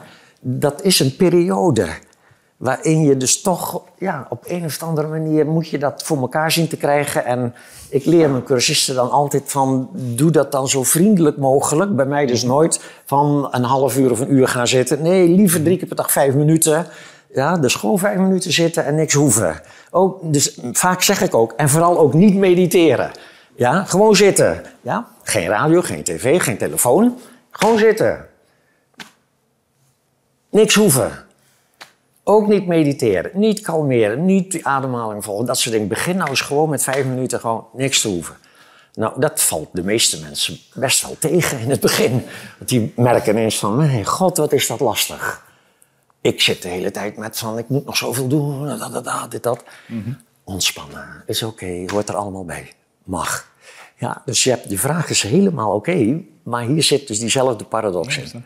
Ja, je moet een tijdje oefenen en ophouden met moeten voordat je werkelijk ophoudt met moeten. En komt die strenge moeten bij jou nog op? Ehm, minder, steeds minder. Steeds minder? Ja, steeds minder. Maar af en toe toch, ja, dat is heel grappig. Als ik een paar dagen gewoon met allerlei dingen bezig ben geweest en even weinig beoefend heb, dan is er altijd eerst dat stemmetje. Mhm. Je moet wel weer terug naar je beoefening. En dat herken ik natuurlijk nu weer. Dan zeg je, ja, ja komt eraan, komt eraan, het komt goed. Ja, geef niks, mag best. Ja, bedoel, het is maar een stemmetje. precies. Ja, laat maar lullen. Uh, ik raak het nu echt niet meer kwijt. Ik, uh, ik wil het gewoon niet meer missen. Ik zit nu elke dag misschien één uur, twee uur, soms drie uur verspreid over de hele dag. Ik doe nooit echt lange sessies, want dat werkt in, in Zoction werkt dat niet. In Zoction gaat het immers over het leren vriendelijk zijn voor alles wat je voelt. Nou, een uur lang als beginner stilzitten is niet vriendelijk meer. Dat is gewoon afzien. Ja, dus daarom voor beginners vijf of tien minuten, hooguit. Liever drie keer per dag tien minuten dan één keer per dag een uur. Daar zit al een beetje al het begin in van... is oké, wees maar vriendelijk gewoon, maak het niet te moeilijk. Komt vanzelf. Ja, als je het leuk gaat vinden, kan je eventueel wat langer gaan zitten. Ja. En de humor. Ja. Ja. Ja, ja. Dankjewel. ja oké. Ja, het triggert me wel even. Leuke vraag sowieso. Um, doet me denken aan een, um, uh, een podcaster waar ik zelf veel naar luister. is Jocko Willink. En die heeft ook een mantra. En zijn mantra is discipline equals freedom. En wat zijn stelling basically is, is dat alles wat de, niet wat de moeite waard was, gebeurde ooit vanzelf. Dus um, om zeg maar een betere relatie met je ego of je witness op een andere manier naar je ego te laten kijken, is er wel degelijk iets nodig. Mm um, en ik geloof dat ook. Ik ben personal trainer geweest. Niemand kreeg uh, blokjes op zijn buik door niet te trainen. Nee. Snap je? Dus nee. uh, het is ook een soort ja. vaardigheid tegelijkertijd. Ja, dat is, uh, ben ik helemaal mee eens. er moet geoefend worden. Alleen waar oefen je in? Dat is heel belangrijk hier. Ja? Oefen je in het, het, het willen pakken van die worst die voor je neus hangt? Of oefen je in laat alle worsten maar gewoon zijn? Weet je wel, ik, hoef, ik hoef, je oefent in niks hoeven. Dat, maar er moet geoefend worden, absoluut. Ja, ik krijg wel eens mailtjes van mensen die zeggen... Ik uh, ben toch best wel al heel bewust bezig tijdens de dag. Waarom moet ik nog elke dag dan ook nog op een kussentje gaan zitten mediteren? En mijn vraag, tegenvraag is dan altijd... Waarom zou je het liever niet doen? Vind je het misschien saai of misschien irritant of zo? Dat is de reden waarom je het moet doen. Ja, gewoon niet weglopen voor die dingen. Ja, het mediteren is niet, niet... Het is dus helemaal niet meer dat dat streven naar een soort prettige, ontspannen situatie. Dat is die wellnessmeditatie. Waar overigens ook niks op tegen is. Als mensen het leuk vinden, moeten ze dat gewoon doen. Er is ook niks op tegen om naar de sauna te gaan en je dan lekker te voelen. Maar dit gaat over aanwezig kunnen zijn bij ongemakkelijk gevoel. Bij ongemakkelijke gevoelens. Daarin aanwezig kunnen blijven zonder daarin verzet te komen. En hoe creëer je ongemakkelijke gevoelens? Door te zitten en niks te doen. Ja, dat is de manier. En dat zijn ongemakkelijke gevoelens waarvan je al weet, die creëer ik zelf. Ja, en dat maakt dat het iets minder moeilijk is om er niet tegen in verzet te komen. Dat het iets bereikbaarder is om als je je dan verveelt of je bent slaperig tijdens meditatie. Dat mag, dat, dat laat maar, is oké. Ik mag dit voelen, ik ben dit niet. Geef niks, mag best mag. Dat zijn dan je mantra's. En dan leer je dus al dat ontspannen in een ongemakkelijke um, ervaring. En dat breidt zich dan geleidelijk aan uit, want dat ga je natuurlijk ook de rest van de dag oefenen. Dat begint al bij als je in de rij staat bij een kassa en voor je staat iemand die aan het sukkelen is met onzinnige dingen. En je staat daar maar dan en dan ineens zeg je, ah wacht even, dit is er zo eentje. Ontspannen in je irritatie. Ik mag me irriteren is helemaal oké. Dat, dus dat geleidelijk kan breien dat uit over de rest van de dag. Dat is de, de, de, de zeg maar de, de impact die Dzogchen-beoefening heeft. Het is niet alleen maar die paar keer per dag op je kussentje. Mm. Dat geleidelijk kan breidt zich dat uit over de hele dag door. Dat die, die, die je herinneren je te ontspannen in een soort van: dit is oké, dit mag. Ja, dit is te gek. Want als je dit onder de knie zou krijgen, in dat proces uh, meer bewustzijn zou hebben, dat zou je echt, denk ik allemaal wel over eens zijn, dat scheelt veel energie. Dus als je dat soort irritaties beter weet te handelen. Um, ik zei al, ik heb best wel eens een uh, enge issues gehad. En een van de dingen die mij heel erg heeft geholpen was filosofie. Vooral mm -hmm. de stoïcijnen. Mm -hmm. En zij hebben twee concepten die ik nou even wil proberen te mappen op waar jij het over hebt. Mm -hmm. Want waar zij over spreken is twee hele belangrijke dingen als het gaat om in zo'n mentale staat komen. Dat zijn je passions, je hartstochten. Dus ik voel iets, ik ben geïrriteerd, ik ben verliefd, ik ben heel blij, ik ben heel verdrietig. Uh, en dan heb je nog iets anders. En dat is je oordeel, je judgment. En dat is iets dat, dat, dat, kijkt, dat kijkt erna en dat vindt er dan iets van. En wat, wat het stoïcisme zegt is je judgment activeert je passions. Dus je ja. ziet iets, je vindt er iets van en nu gaat het op een gegeven moment aan. Maar in je judgment zit ook van, hey, je zit je aan te stellen als een klein kind dit is niet the way, dit is niet the way to a good life. Dus daar hebben we nu ook even een soort van oordeel van. Uh, grijp in. Jij hebt het steeds over in je ego zitten en ook iets, hoe noem jij dat trouwens, wat kijkt naar je ego? ja, dat, uh, ik noem dat helder, liefdevol gewaarzijn. Dat is wat je werkelijk bent. Sure, sure. Uh, en Advaita wordt dat zeg maar non-duaal bewustzijn genoemd. Ja, waarin alle verschijnselen zich manifesteren, waaronder ook dat lichaam waar je dan geneigd bent je mee te identificeren. Ja, en en dat, dat niet oordelen, dat is ook een heel belangrijk aspect in de Dzogchen-beoefening. In feite, het, misschien wel het, het, allerbelangrijkste, ja, dat verzet, immers noemden we net, verzet is dat wat lijden creëert. Maar verzet is in feite ook oordelen.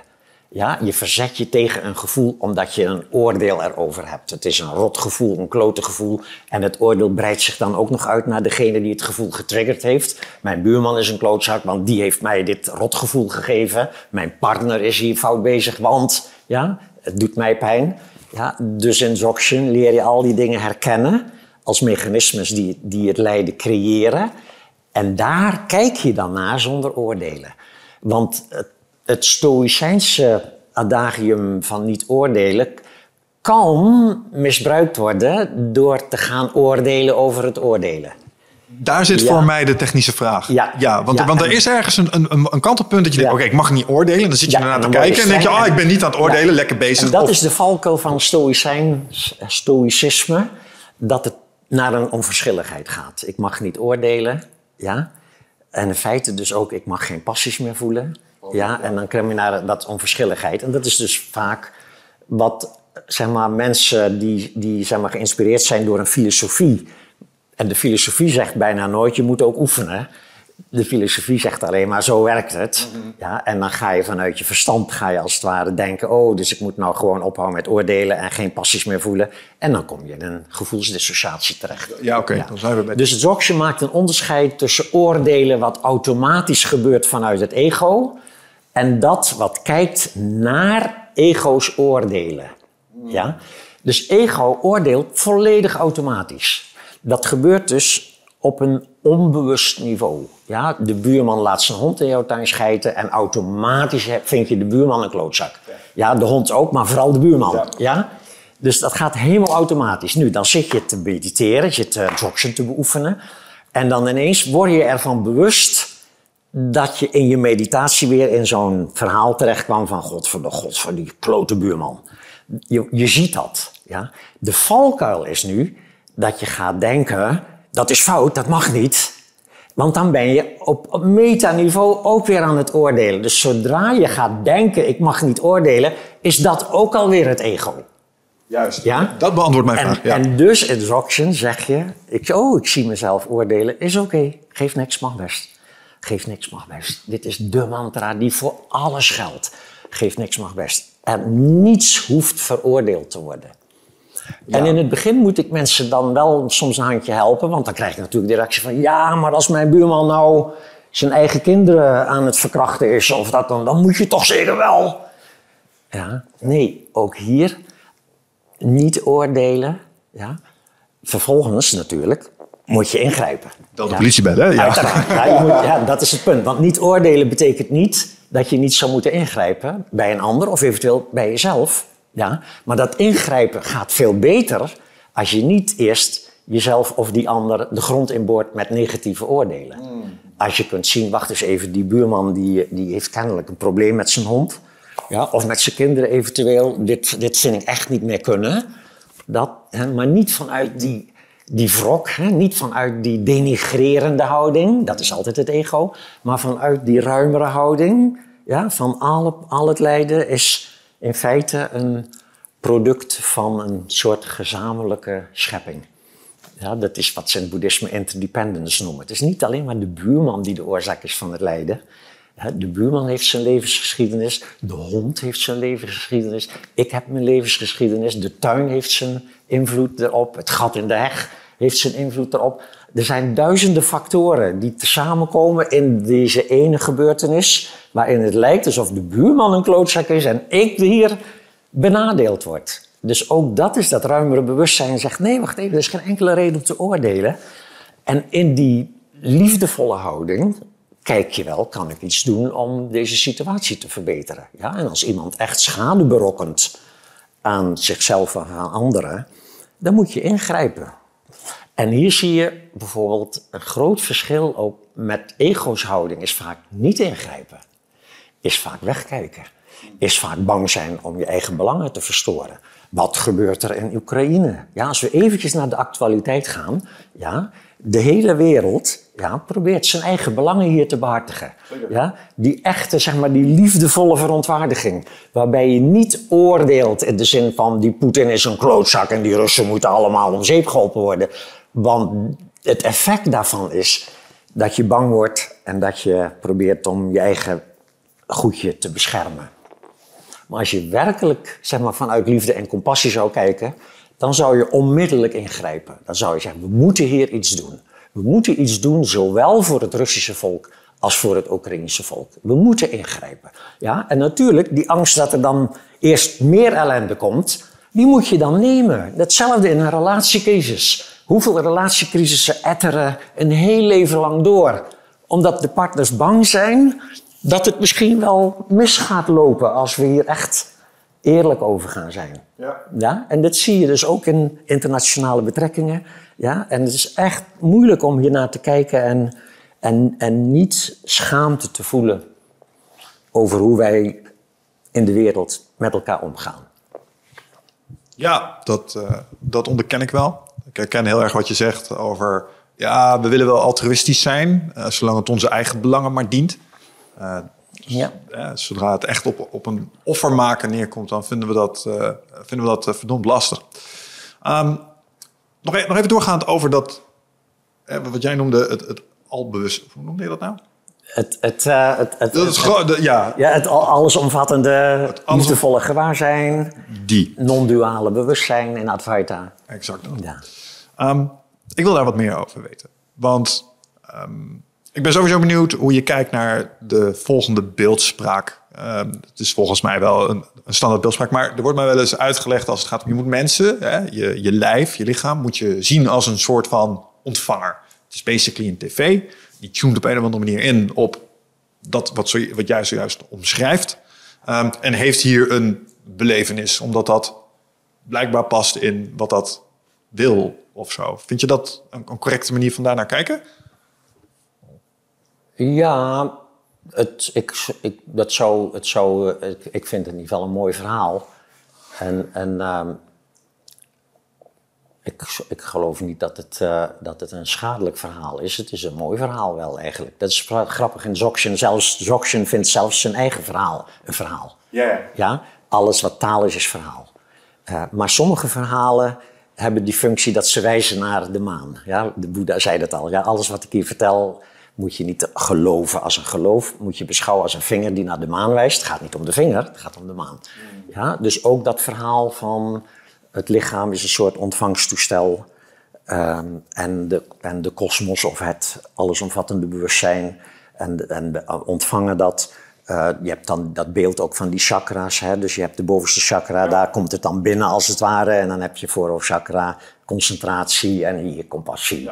En hier liefde en hier guts, kracht en hier seks. Ja?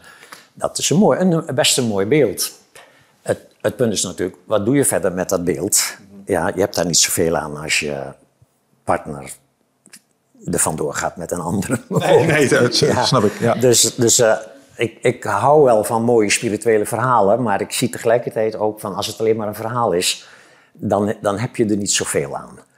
Uh, het kan je kunt je prettig voelen bij een verhaal, zoals veel religieuze mensen zich misschien prettig voelen bij het beeld van als ik een beetje braaf leef, dan kom ik daarna voor eeuwig in de hemel. Ja, en, en je hebt zoveel prachtig mooie verhalen over planeetgeesten waar je contact mee kunt leggen en dat soort dingen. Uh, ze zijn op geen enkele manier te bewijzen of te weerleggen, dus het zijn daardoor dus verhalen. -hmm. En je kunt je prettig voelen bij een verhaal. En in Zoxen leer je alleen maar ook nog te beseffen dat het een verhaal is. Mm. Uh, dus de neiging om van een verhaal een projectie te maken naar buiten en daar een werkelijkheid op te projecteren, die wordt in Zoxen nou juist onderuit gehaald. Ja, zelfs de, de, de verhalen zelf worden als het ware herkend, is ook maar een verhaal. Waar het om gaat is dat wat verhalen herkent als verhalen. Mm Bewustzijn zelf. Ja, dus je moet ergens uit, uit de denkgeest zien te komen. Uh, al die verhalen zijn in feite conceptuele gedachtenverhalen. En nogmaals, sommigen dragen bij aan ons geluk en sommigen creëren heel hoop ellende.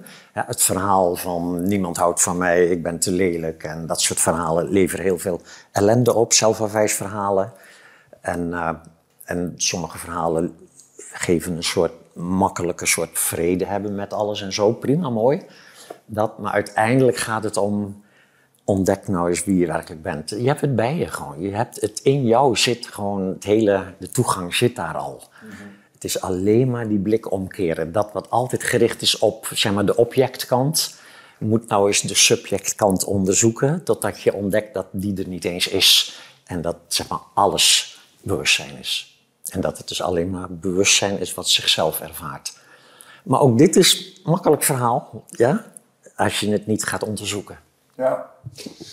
Um, zit er binnen deze storm, ja, het, zegt, het, neemt zijn eigen verhaal, uh, neemt het al op de korrel. Dus mhm. eh, ze vinden er misschien wel iets van. Uh, maar misschien heb je er zelf ook wel eens over nagedacht. Kijk, iedereen heeft al eens een keer naar de sterren staan kijken en denken: wat is dit toch een, raar, een rare situatie waar je in mhm. zit? Sta je hier op zo'n steen in de middel van, of echt, het is astronomisch groot daarbuiten. Ik maak dingen mee. Ik weet één ding: ik ga straks dood wat, wat doe ik hier?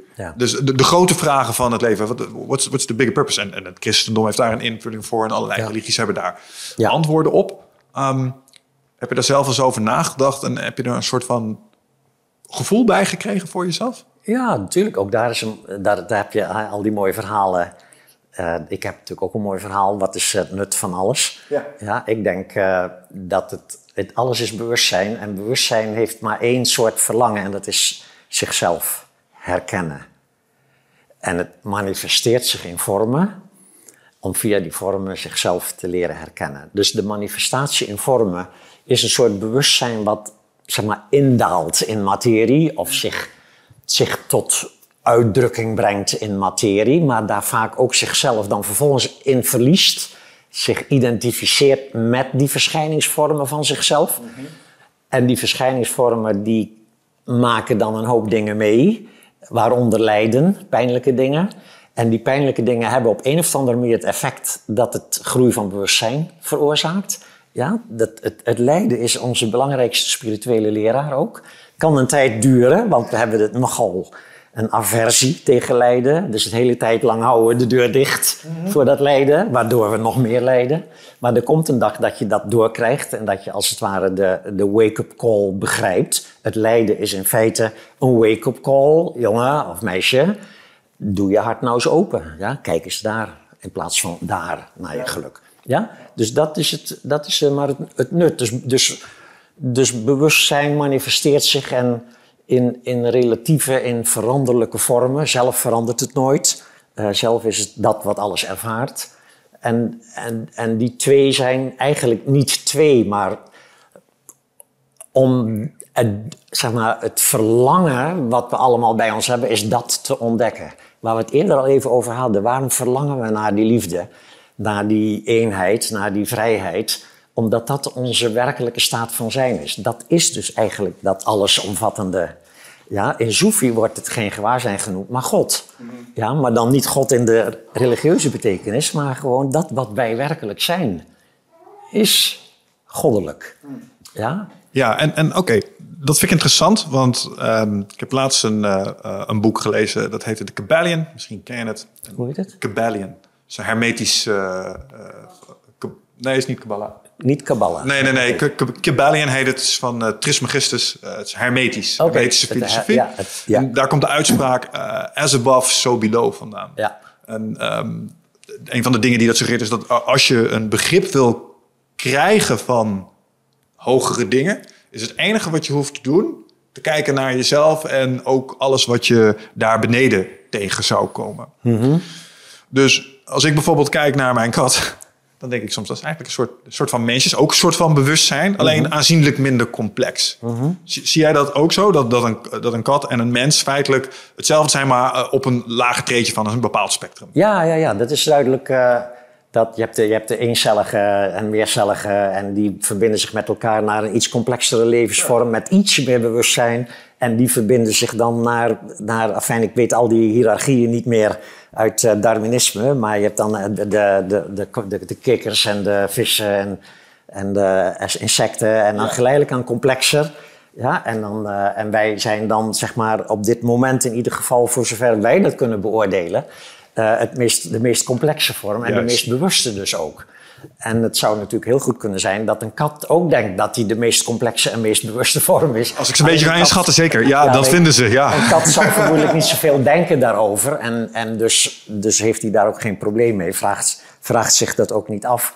Maar hier zit dus denk ik ook die, um, die, um, die evolutie, als het ware. Die evolutie van laag bewustzijn naar telkens een hogere vorm van bewustzijn. Maar die wordt als het ware, en die kant is niet zo zichtbaar. Er zit ook een kant waarbij als het ware het hogere zich manifesteert in het lagere. Dus er is een soort beweging naar boven en een beweging naar beneden. En die zou je kunnen zeggen, houden elkaar in evenwicht. En, en, en de totale som van alles is volmaaktheid. Dus de volmaaktheid hoeft niet te veranderen, want ja. het hoeft nergens heen.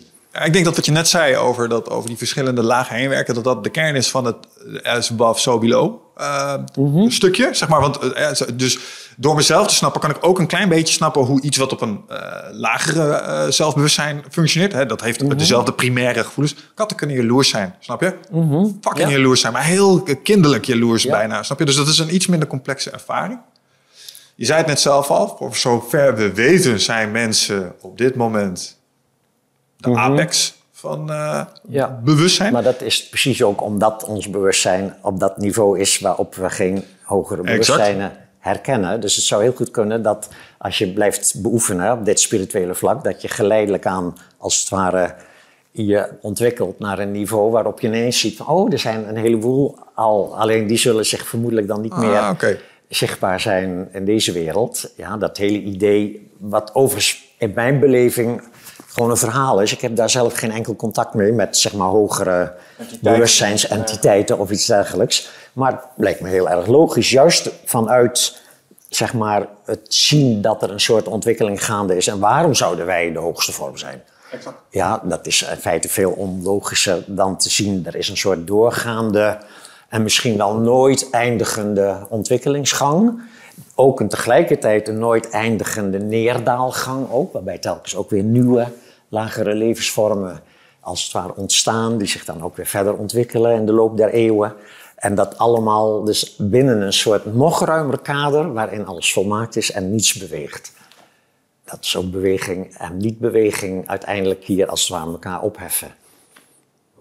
Ja, exact. Maar het wordt heel abstract nu, hè? Ja, nee, maar ik vind het, ik vind het wel interessant, omdat... Um, net wat we zeiden over, over die verschillende uh, uh, niveaus.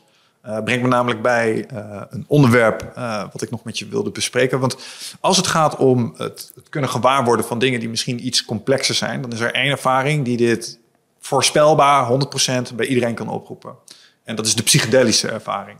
Ja. En ik wil eigenlijk nog even een klein zijsprongetje met je maken richting plantmedicijn, ayahuasca, ayahuasca de, al die dingen. Ja, ja. Um, want, want daar, dat is wel een, een beduidend component voor, nou, ik denk 90% van de ervaringen. Dat, dat als je in die realm, space, whatever dat is, komt, dat het ook wel is van, oh, ik ben hier niet alleen. Ik heb zelf soortgelijke mm ervaringen. Sta je echt oog in oog met iets wat je gewoon, past niet in je apenbrein. Dat is gewoon het computer. Dit, dit, maar het is onmiskenbaar iets. Mm um, hoe, kijk jij, hoe kijk jij sowieso naar uh, psychedelische middelen in het kader van bewustzijn aan? En ja, hoe beleef jij dit soort uh, anekdotische ervaringen in dat kader? Ja, ja ik denk um, dat het hele boeiende ervaringen zijn die je, die je met deze chemische middelen kan opwekken. En dat, dat ze als ervaring zelfs kunnen bijdragen aan jouw zeg maar, groei van bewustzijn. Tegelijkertijd kunnen ze daar ook wel een obstakel in gaan vormen. Als mensen zich namelijk te veel gaan hechten aan de ervaring en de ervaring gaan verwarren voor de realisatie. Realisatie is niet een ervaring ervaringen komen en gaan. Je kan je één voelen met alles en euforisch zijn en God zijn. En een week later heb je problemen met je hypotheekschuld. Ja? Dus ervaringen komen en gaan en kunnen heel erg bijdragen aan groei van bewustzijn. uh, realisatie is zeg maar ontdekken wat nou de constante is in al die ervaringen. Wat dat bewustzijn is in al die ervaringen. Nu, die, um, dat opwekken via, via chemie is in feite gebruik maken van een, van een systeem van we hebben de geest en we hebben de hersenen en we hebben het lichaam. Ja? En dit is natuurlijk een spirituele visie. In de wetenschap wordt dat hele geest gewoon ontkend. En hebben alleen maar hersenen en een lichaam. Ja. ja. Maar ik denk dat er een soort van wisselwerking is. Lichaam, hersenen, geest. En de hersenen vormen hier een soort transformatorstation. Ja? Je kunt bijvoorbeeld heel makkelijk in je geest een beeld opwekken. Denk bijvoorbeeld opzettelijk even heel intens aan je meest favoriete seksuele partner, dan zullen de hersenen dat vertalen in een reactie in je lijf. Ja, je gaat dan in je sekschakra een reactie voelen. Hetzelfde met als je aan iets heel naars denkt. Wordt dat vertaald naar, ja. Dat is geest vertalen naar een lichamelijke ervaring. Ja? Maar het werkt ook andersom. Een belangrijk, een veel voorbeeld is als je gaat mediteren, ga je in deze houding zitten. Dat is een houding van aandacht, alert. Ja? Als je thuis in de bank ligt uh, tv te kijken en ineens klinkt er een harde knal buiten, dan doe je dit. Ja. ja? Wat is er? Dat, hè? Alertheid. Dus je zet je lichaam in de houding alertheid. Je hersenen vertalen dat naar je geest ook in een klein beetje meer alertheid. Hmm. Ja? Uh, maar ook je, je, je favoriete partner kan bij lichaam dingen doen. En allerlei heerlijke beelden komen in jou op. Nu, dus dat is zeg maar de wisselwerking geest, hersenen, lichaam. Nu, als de geest zeg maar een hoge staat van realisatie bereikt, dan zal vanuit die geest de hersenen aangestuurd worden om in het lichaam een heel prettig gevoel te laten ontstaan. Een gevoel van totale ontspanning, wat ze in de, in de spiritualiteit bliss noemen. Ja, bliss, clarity, emptiness wordt het wel genoemd. Ja? Dus zodra je als het ware realiseert dat alles bewustzijn is, reageert het lichaam met een soort blissvol gevoel. Dat is vanuit de geest, via de naar het lichaam. Ja? Nu, je kunt ook het lichaam manipuleren en dat zijn die middelen, mhm. zowel de, de, verslavende middelen als heroïne en cocaïne en amfetamine en MDM en ecstasy, noem ze maar op die als het ware via de hersenen voornamelijk een lichamelijk gevoel teweeg brengen, maar soms ook, ja, zoals ecstasy, MDMA, ook een heel liefdevol gevoel kunnen mm. opwekken. Ja. Zo heb je dus ayahuasca, wat ook als bestanddeel DMT heeft. Je hebt pure DMT en je hebt nog een variant 5-meo-DMT, die allemaal net iets, zeg maar, varianten opleveren. We hebben duidelijk een expert in de house vandaag, ja, dames en heren. Uit, ervaring ken ik alleen 5-MeO-DMT, maar ik wil binnenkort ook nog eens een keer ayahuasca doen. Gewoon een soort van nieuwsgierigheid. En uh, je, je voegt dus gewoon een stofje toe aan de hersenen. Overigens, DMT wordt ook in de hersenen zelf geproduceerd. Vooral op momenten van in slaap vallen en doodgaan. Dat is heel, mm. heel mooi eigenlijk, dat verhaal. Maar dan geef je tijdens je leven al een soort overdosis DMT in je hersenen. Waardoor er allerlei, zeg maar, naar beneden toe fijne, maar ook soms pijnlijke gevoelens gecreëerd worden. En naar boven toe krijg je allemaal beelden. Je kunt soms inderdaad een soort eenheidservaring hebben. Of een soort helemaal de-identificatie van dat ego. Uh, ook in psychotherapie kan het heel erg behulpzaam zijn. Als je echt eens wil laten zien van, van je bent je ego niet. Ja? Je kunt kijken naar je ego. Nou, dat is vaak bij uitstek wat je met dit soort middelen soms kunt ervaren.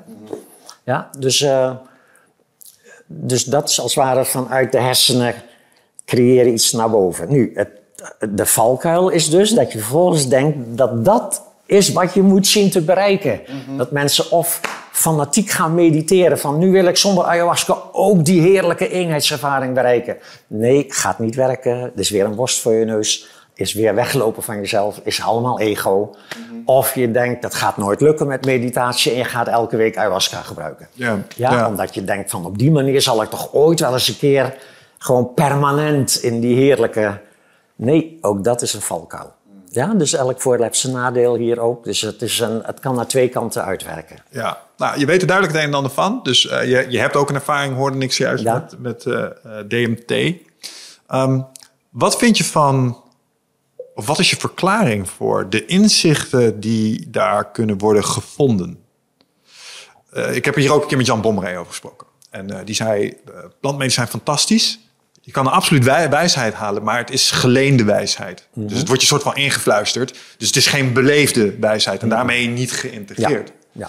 Maar dat roept bij mij nog steeds de vraag op: maar wat zit daar dan precies wat zo wijs is? Snap je? Dus dan komen we in dat vaarwater waar we het net over Heb ik toegang tot uh, zeg maar een soort Google binnen mijn onderbewustzijn? Of uh, raak ik echt iets, iets hogers aan wat eigenlijk gewoon slimmer is en naast me staat en plots dingen influistert? Hoe, hoe ervaar jij dat? Hmm, dat uh, ik weet niet of ik daar ooit echt veel over nagedacht heb, in, eerlijk gezegd. Zo dan betekent het dus dat, het, dat ik niet zo van belang vind eigenlijk. Ja, okay. Ik vind uh, die verklaring vanuit Zoction is gewoon dat het is een ervaring. En ervaringen kunnen leerzaam zijn. En ik denk wel dat we, bedoel, het is al algemeen bekend dat we op dit moment eigenlijk maar een vrij klein deel van onze hersenen gebruiken. Dus dat er nog een heleboel hersenen niet gebruikt worden. Vermoedelijk liggen die er al voor die hogere staten van geest, die ook op een of andere manier natuurlijk vertaald moeten worden in een lichamelijke ervaring. Ik bedoel, als je lichaam niks ervaart, dan kan je wel heel bewust zijn, maar dan weet je niet eens dat je heel bewust bent. Dus er is altijd een connectie met ja, boven en beneden. Die connectie moet er zijn. Ja, op een of andere manier heeft bewustzijn een voertuig nodig om zichzelf te ontwikkelen. Ja. Ja, en dat kan een lichaam zijn of dat kan een astraal lichaam zijn. Als dat bestaat, dat, daar heb ik verder geen verstand van. Uh, en, en ik denk dat zolang het dus het lichaam is, zoals wij nu een lichaam zeg maar, hebben, waarin wij functioneren in deze zeg maar, wereld, um, een heleboel dingen in die hersenen al klaar liggen, maar niet gebruikt worden. En ik denk dat die chemische middelen daar als het ware een hoekje van al eventjes laten oplichten. Dus je zou kunnen zeggen, die, die, die, die synapsen die liggen er al. Ja, die, die zou, en waarom liggen die er al? Nou ja, het zou kunnen zijn dat alle wijsheid in feite al in de hersenen opgeslagen ligt. Ja, maar alleen pas toegankelijk zijn als je je geest hebt ontwikkeld in het kunnen aansturen van die hersenen. Of als je het, het, chemische stofje hebt ontdekt waardoor je het even kan opwekken vanuit die hersenen. Ja. Maar dat is dus inderdaad geleende, ja, tijdelijk als het ware kunstmatig gecreëerde ervaring. Die gewoon komt en gaat en weer, weer voorbij gaat. Dus het is een iets andere interpretatie, ja. maar eigenlijk hetzelfde. Dat ik vind op zich van, het is geleende wijsheid vind ik wel een mooie uitspraak. Je kan, er, je kan er inderdaad wat aan hebben, maar je zal het toch uiteindelijk met je eigen geest moeten doen. Ja. Alle hulpmiddelen zijn tijdelijke hulpmiddelen. Dat is waarom ik bijvoorbeeld mijn cursisten ook altijd zeg, die, al die apps met die begeleide meditaties, heel mooi om een methode aan te leren, maar daarna moet je ze uitzetten, moet je het zelf doen. Ja. Je kan jezelf heel je leven lang door een ander in de kalmering laten babbelen. En soms zelfs in een beetje een soort liefdevolle staat van zijn. Maar dat doe je niet zelf dan. Ja? Dus je moet, het, je moet het zelf doen. Ja. Um, ja. Je had het net... Um, um, nog één laatste dingetje over dat DMT. Dat vind ik wel interessant, want dat kan me bij uh, een onderwerp brengen... waar ik het nog even met je over wilde hebben. Is dat uh, het wordt aangemaakt op het moment dat je slaapt... en op het moment dat je sterft. Had je het net over. En ik, kleine, ja, ja, en toen heb ik wel eens gedacht... Ah, als, als dat echt zo zou zijn... dat zou wel het een en ander verklagen. zou een soort... Uh, als het wifi zou zijn, dat zou het protocol kunnen zijn waarover het dan verloopt. Je hersenen maken nu DMT Mhm. en nu gaat het aan, zet het iets aan waardoor het dat wat je was kan uploaden of zo, weet je wel? Mhm, Geen idee, ja, zoiets. Ja. Mm-hmm. Wie weet. Zou het me kunnen voorstellen. Ja. Um, en vond ik eigenlijk als ik nadacht over uh, sterven, vond ik wel een geruststellend idee. Zo van, hè, dat, dat geeft je het idee dat er misschien nog iets overblijft van Ja. alles wat je meegemaakt hebt. En dat, Ja, ja. Want dat vind ik het vervelendste aan het idee van dood zijn. Uh, alles al- wat we ervaren is, is, een soort van gone. ja, het is alle moeite voor niks. Ja, precies dat. En, en wat zou het toch lekker zijn als er iets zou zijn als... Hoe heet dat eh, concept nou ook weer? Dat is volgens mij een Tibetaans iets. Ar, eh, cer- certain archives. Mhm, archives. En dat is een soort eh esoterische plek... waar alle kennis en wijsheid van alle mensen... die Oh, ooit geleefd hebben en ooit zullen leven... in is opgeslagen. Ja, ja, ja. Dus ik dacht dat was wel mooi. Het is een soort bibliotheek waar Michel dan alsnog in zit. Ja. Ehm, ja. ja, dat kan. Ja, wie Eh, hoe, kijk, hoe kijk je zelf aan tegen sterven, er niet meer zijn? Wat er gebeurt tijdens en daarna met je? Ja, ik ben in dit opzicht wel een beetje beïnvloed door het Tibetaans boeddhisme. Uh, waar de hele, hele duidelijke zeg maar, ideeën zijn over wat er gebeurt bij het sterven en daarna. En ik moet er meteen bij zeggen, ik, als, ik, wat ik, als ik hierover praat, en dat zeg ik er ook altijd bij, is niet uit eigen ervaring. Nee. dat, is dat, is duidelijk. Ik, ik, kan mij niks herinneren van een vorig leven en van doodgaan en van geboren worden ook niet. Dus ik, ga, ik, ik vertel wat in het Tibetaans boeddhisme verteld wordt. En ik vind het wel, zeg maar, een soort plausibel verhaal. Ik vind het wel een soort van, oké, vind ik een mooier verhaal dan je gaat dood en alles houdt op. Of je gaat dood en je komt voor de rest van je leven bij God de Vader in de hemel. Dat vind ik totaal onlogisch ook. Maar tegelijkertijd ook onlogische dingen gebeuren. Ja? Dus je kan niet zeggen dat het, omdat het onlogisch is, dat het niet, niet zo zou kunnen zijn. Maar in het Tibetaans boeddhisme, kijk, in Dzogchen gaan we er al van uit dat dit hele lichaam een manifestatie is van bewustzijn. Dus in feite, zoals we ook als we s'nachts dromen, we niet alleen dromen bijvoorbeeld van dat we een wandeling door Parijs maken, maar dat we altijd in die droom ook een ik is die daar ook echt loopt en de huizen van Parijs ook inderdaad ziet langskomen. Je zou je al kunnen afvragen, waarom is dat? Waarom kun je niet gewoon van Parijs dromen zonder dat er ook iemand in Parijs moet zijn die Parijs meemaakt? Ja. Dat is kennelijk omdat we dat mechanisme hebben van als er iets ervaren wordt, moet er ook iemand zijn die dat ervaart. Dat is dus dualisme. Dat is zeg maar een soort meest fundamentele vergissing die de hele schepping als het ware op gang heeft gebracht. Ja? Dus in Dzogchen is het wat we in onze nachtelijke droom hebben, zowel het lichaam wat door Parijs loopt in die droom als de huizen van Parijs, zijn beide niet werkelijk bestaand, maar alleen beelden in de geest van degene die in bed ligt te slapen. En het is niet dezelfde ook. Want degene die door Parijs loopt, is niet dezelfde ik als die in bed ligt te slapen. Ja, zodra je wakker wordt, lijkt het, voelt het wel als zodanig. Maar je kan in Parijs bijvoorbeeld gezond zijn terwijl je in bed ziek ligt. Bijvoorbeeld. Ja, het is niet dezelfde persoon. Datzelfde gebeurt ook op een zeg maar metaniveau, waarbij bewustzijn is alles wat er is. Alles is bewustzijn. In dat bewustzijn, of het bewustzijn, manifesteert zich in verschijnselen. Die worden dus ervaren. Maar automatisch creëren we daarbij dus ook een soort wezen wat de ervaarder is van die wereld om je heen. Beide, zowel dat lichaam wat nu op jouw stoel zit, als de ruimte om je heen, zijn dus niets meer dan een ervaring in bewustzijn. Het is dus niet een ontkenning in de zin van er is helemaal niks. Nee, er is een ervaring van een lichaam en er is een ervaring van een ruimte om ons heen, maar het is niks meer dan dat. De ego-mind maakt van die ervaring een werkelijk bestaande werkelijkheid, een materiële werkelijkheid die bestaat los van het bewustzijn. Ja? Dat is zeg maar de erfzonde. Daar begint de ellende. Ja? In Dzogchen weet je, eerst theoretisch en geleidelijk aan door te beoefenen. Nee, er is geen werkelijkheid onafhankelijk van het bewustzijn. Er is alleen maar een ervaring.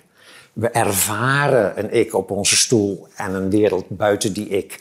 En we ervaren die ik weliswaar als de waarnemer, maar in werkelijkheid is die ik niet de waarnemer, want hij wordt waargenomen op dit moment. Kijk maar, je kunt, dat lichaam kan je waarnemen. Je gedachten kan je waarnemen. Je gevoelens kan je waarnemen. Wie is die waarnemer? Die kan je niet vinden. Dat is dus dat onmetelijke bewustzijn, wat zichzelf niet heeft gevonden, nog niet. En zich heeft geïdentificeerd met die ene persoon in jouw droom waarvan je denkt dat die de waarnemer is van de werkelijkheid. Ja. Nu, dus als je doodgaat, gebeurt er iets heel bijzonders in het Tibetaans boeddhisme. Dus zolang je leeft, ook al heb je heel veel spirituele beoefening gedaan, dan blijft dat bewustzijn toch meer verbonden met dit lichaam dan met bijvoorbeeld die bomen of met die mensen die hier op die stoelen zitten. Je blijft meer verbonden met dit lichaam. Er blijft altijd een een flinke dosis identificatie met het lichaam bestaan. Je kan je misschien volledig los hebben gemaakt van je ego, van je gedachten ook. Dat allemaal hebben herkend als niet wie ik werkelijk ben. Lichaam ook, ik ben dat niet werkelijk. Maar evengoed ja, ervaar je de wereld nog steeds vanuit het lichaam. En je, wat je brengt in de wereld, breng je ook met dit lichaam. Totdat het lichaam doodgaat. Dus in het Tibetaans boeddhisme gaan we ervan uit dat als je tijdens je leven voldoende hebt beoefend in dat heldere gewaarzijn. En het lukt jou om gewaar te blijven terwijl dat lichaam doodgaat. Ja? Dan zie jij dus het lichaam doodgaan zonder dat je doodgaat. Ja? En, dat dan, als een... en dat wordt dus dan verlichting genoemd. Dat is het moment van verlichting. En als het niet lukt, krijg je dan nog een kans? En als het niet lukt, dan, eh, dan gebeurt hetzelfde als wat bij de meeste mensen ook gebeurt als je s'nachts in slaap valt. Vlak voordat je in slaap valt, verlies je je bewustzijn. Ja, vlak voordat je doodgaat, verlies je je bewustzijn. Er is dus alleen maar geen ervaring meer. En dan gaat het lichaam dood. En in die bewusteloze staat verblijf je een tijdje. En dan gebeuren er allerlei dingen waarvan ik echt niet weet of het wel of niet ook gebeurt. Maar er worden als het ware weer soort droomachtige verschijnselen komen weer op. En uit die droomachtige verschijnselen ontstaat dan geleidelijk aan weer een soort verlangen naar een nieuw leven. Ja, en die, dat, dat, dat mondt dan uit in het zeg maar samenvloeien met een man en een vrouw die op dat moment liefde of seks bedrijven. En dus altijd zijn, it takes three to make a new life. Ja, ja, dat is dan het punt waarop er zeg maar een incarnatie plaatsvindt. Hier kun je weer instappen in het ritje. Ja, dus nu gaat het erom, gaat er iets van Michel door naar een volgend leven? Nee. Nee. Michel, het lichaam, het ego, alles waar je mee hebt geïdentificeerd, gaat dood. Maar de mate waarin je tijdens je leven je bewustzijn hebt ontwikkeld. Dus als het ware juist dat wat niet het lichaam en je gedachten en je gevoelens is, maar dat wat al een beetje in staat is om er naar te kijken. Nog niet stabiel genoeg om ook werkelijk op het moment van sterven aanwezig te kunnen blijven. Dus daar was je nog niet. Maar wel al dat, zeg maar, dat die staat van bewustzijn die je tijdens je leven met je beoefening hebt weten te bereiken, waardoor je bijvoorbeeld wel al bij eenzaamheid en jaloezie al in staat was om het te laten oplossen. Oké, ja, check, check. Dat gaat door naar een volgend leven. Dit vind ik wel een geruststellend idee. Dat je dus niet echt met een helemaal schone lijn begint, maar je neemt de vaardigheid die je hebt opgebouwd in dit potje, ja, die neem je vaardigheid zelfs alleen maar, nee, alleen maar zeg maar, de, de stabiliteit van bewustzijn is als het ware het enige wat, wat, uh, wat blijft. Er begrijpt me ook een heel erg um, fractal gevoel hierbij.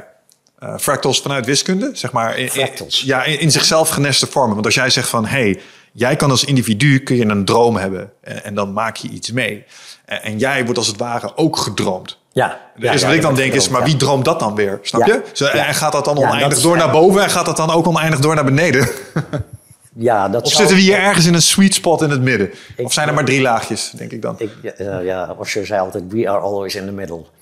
Uh, maar dat ging meer over uh, van uh, ben je beginner of ben je gevorderd op het spirituele pad. Osho zei, maak je niet druk. We are all in the middle. Juist. Ja, en, en het is maar de grote vraag of er überhaupt een begin en een eindpunt zijn aan het spirituele pad. Maar um, dat van je wordt gedroomd, ja, ik denk zelf dat dat zeg maar, het laatste holon is. Ja? Het laatste soort van fractal, of hoe je het ook wilt noemen. Omdat dat bewustzijn zelf niet iets is. Dus hoe zou iets anders daar dan nog weer de ervaarder van kunnen zijn? Uh, hebben ze daar, uh, is er binnen het, uh, het boeddhisme, Tibetaanse boeddhisme daar een, een kijk op? op kijk, wij, wij, zitten op een aarde in een sterrenstelsel, in een melkweg. Dus het bevindt zich ergens, dus een, een fysieke mhm. kosmos. Hoe werkt dat met dit overkoepelende, dat, dat allerhoogste metaniveau. Bevindt zich dat ook ergens volgens het Tibetaanse boeddhisme in dit universum? Of is het beduidend iets waar het universum als het ware in zit? Nou, kijk, als we het hebben over bewustzijn of gewaarzijn, dat wat alles omvat, dat is zeg maar, omdat het zelf niet iets is wat alles ja, mind. Dat is werkelijk het eindpunt. Juist. Maar hoe het zich manifesteert, daar hebben we het al over gehad. Ja. Eencellige, tweecellige katten, mensen. Er zijn hogere manifestatievormen denkbaar. En in het boeddhisme worden die ook enigszins aangenomen. Uh, het schijnt, maar ook hier vertel ik weer een verhaal uit Tibetaans boeddhisme. Als je zeg maar op het moment van overlijden nog niet zo stabiel was dat je op dat moment verlichting bereikt, dan kun je, als je wel toch een hoop beoefeningen hebt gedaan tijdens je leven, zou je in die droomachtige staat waarin je dan daarna terechtkomt, je kunnen, in ieder geval de beoefening kunnen herinneren. En dan zou het kunnen zijn dat je weliswaar niet een soort volledige verlichting bereikt, maar dat je niet meer terug incarneert als mens, maar in een soort hogere realm, wat weliswaar ook een realm is die vormen heeft. Ja, maar niet meer um, materiële vormen. Ja. Maar nogmaals, ik vind dit een soort logisch verhaal, maar ik zeg, weet daar niks van verder. Nee, en ik, vind al die verhalen ook, um, ik vertel ze met plezier hoor, maar ze, ze, kunnen ook een afleiding vormen. Snap ik. Want je moet toch echt gewoon weer gewoon op je stoel gaan zitten en gewoon oefenen in wat ervaar ik nu. That's it. Dus ja. alles is daarin te vinden.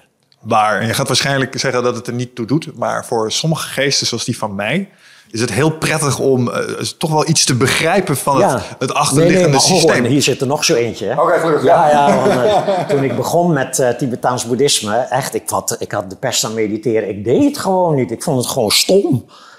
ik dacht toen nog, ik wil alles snappen. Dus ik, ik las alles wat los en vast zat. En het heeft twee jaar geduurd. Twee jaar heb ik me geërgerd aan die meditatietjes die je dan af en toe toch moest doen bij die leraar. Uh, totdat ik eindelijk ineens soort van het begrip kreeg van... ja, maar wacht even, met snappen alleen gaat gewoon niet lukken. Dus daarvoor moest ik eerst heel veel snappen... voordat ik als het ware die limiet had gevonden. Van, oh, inderdaad, dat, ergens houdt dat snappen gewoon je ook weer vast in die conceptuele geest die eigenlijk dus het ego is. Ja, want je kunt het nooit helemaal snappen, dus je mag er altijd lekker in blijven Maar het ego, het ego moet wel iets snappen, de een meer dan de ander, want anders ga je niet op een skrukje zitten en een kwartier lang je radio uitzetten en dan, en dan zit er niks doen. Voor het ego is dat een soort van, come on, weet je wel, hoe stom kan je zijn? Dus je moet wel iets snappen. En, en iemand als mij moet echt eerst heel veel snappen voordat ik zoiets stoms ga doen als gewoon op een stoeltje gaan zitten en niks doen. Is het, ehm, denk je, gelet op wat je nu allemaal hebt gedaan in de beoefening, zoals je dat noemt, hè? het zitten, het, het erin opgaan, dat, is dat denk je voldoende? Omdat het voelt nu een klein beetje doodgaan, voelt nu een beetje als een examen ineens. Um, is, eh, heb je genoeg geoefend uh, om dat examen te halen? En was die oefening zo basis als je zojuist omschreef? Of heb je ook nog uh, want alleen zitten klinkt niet heel, ja, is heel moeilijk, want je gaat het proces door. Of zijn er ook nog geavanceerdere meditatie technieken die je hebt geleerd, hebt geprobeerd te doorgronden, om dat, dat specifieke stukje zo goed mogelijk te doen? Ja, die, in Zoxen heb je wel technieken. Um, niet veel. De basis is toch echt gewoon zo bewust mogelijk ervaren wat je ervaart en daar niks aan veranderen. Niet oordelen. En als je aan het oordelen bent, daar niet over oordelen, enzovoorts, enzovoorts. Hè. Dat, um, maar goed, om dan toch als het ware te leren kijken naar je eigen gedachten, heb je wel bepaalde zeg maar, trucjes, bepaalde methodetjes die je daarin een klein beetje op weg kunnen helpen. Die als het ware een kortstondige ervaring in jou als het ware opwekken, van waaruit je dan daarna weer kunt ophouden met die ervaring na te streven. Maar op een of andere manier zet hij dan wel in jouw soort van achtergrondconstante die ervaring, waardoor je geleidelijk aan, als het ware, die vorderingen maakt. Daar zit bijvoorbeeld ook wel het contact bij met een leraar die iets verder is dan jou. Dat kan soms ook een vorm van overdracht met zich meebrengen. En dan heb je een aantal technieken, maar je zou ze op twee handen kunnen tellen, de technieken in Zoction. En ze zijn meestal heel simpel en soms heel onprettig. Ja, want dit is natuurlijk waar het om gaat. We willen, de ego willen we soms even uit zijn comfortzone schudden. Ja. ja. En dat op een manier die niet. Zeg maar, ook in de, in de ego-training gebeurt dat ook, hè, de persoonlijkheidsontwikkeling. Dat is al bekend, hè, dat comfortzone, daar moet je uitzien te komen en dan groeien. Dan kan je je ego ontwikkelen. Maar ook in Zoction heb je technieken die jou uit je comfortzone halen, maar dan niet als ego-techniek, maar als soort van uh, tijdelijk even uit dat hele conceptuele denkkader Kun je, kun je er één concreet maken? Nee. Oh, mag niet? Nee, nou, mag wel, maar het heeft weinig effect. Heeft geen, oké, check. Het Duidelijk. eerste in mijn cursussen en uh, daar kan je... Hè, je moet namelijk toch een beetje een commitment doen van als je dit soort dingen gaat doen, moet je ze ook gaan beoefenen. Dat is eigenlijk... Ja, en het, nee, is logisch, en, snap en, ik. Ja, dus, uh, dus uh, er zijn een paar technieken die, ja. die enigszins behulpzaam zijn, maar tegelijkertijd ook zonder die, ja, zelf, want de mensen vragen, moet je dan per se een spirituele leraar hebben? Nee, hoeft ook niet per se. Je kan zonder spirituele leraar, tegenwoordig zeker, met al die filmpjes op YouTube, ja, ja kan je het ook.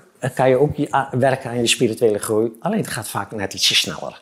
Ja, omdat een leraar niet alleen inspireert, maar ook uh, op pijnlijke knoppen drukt.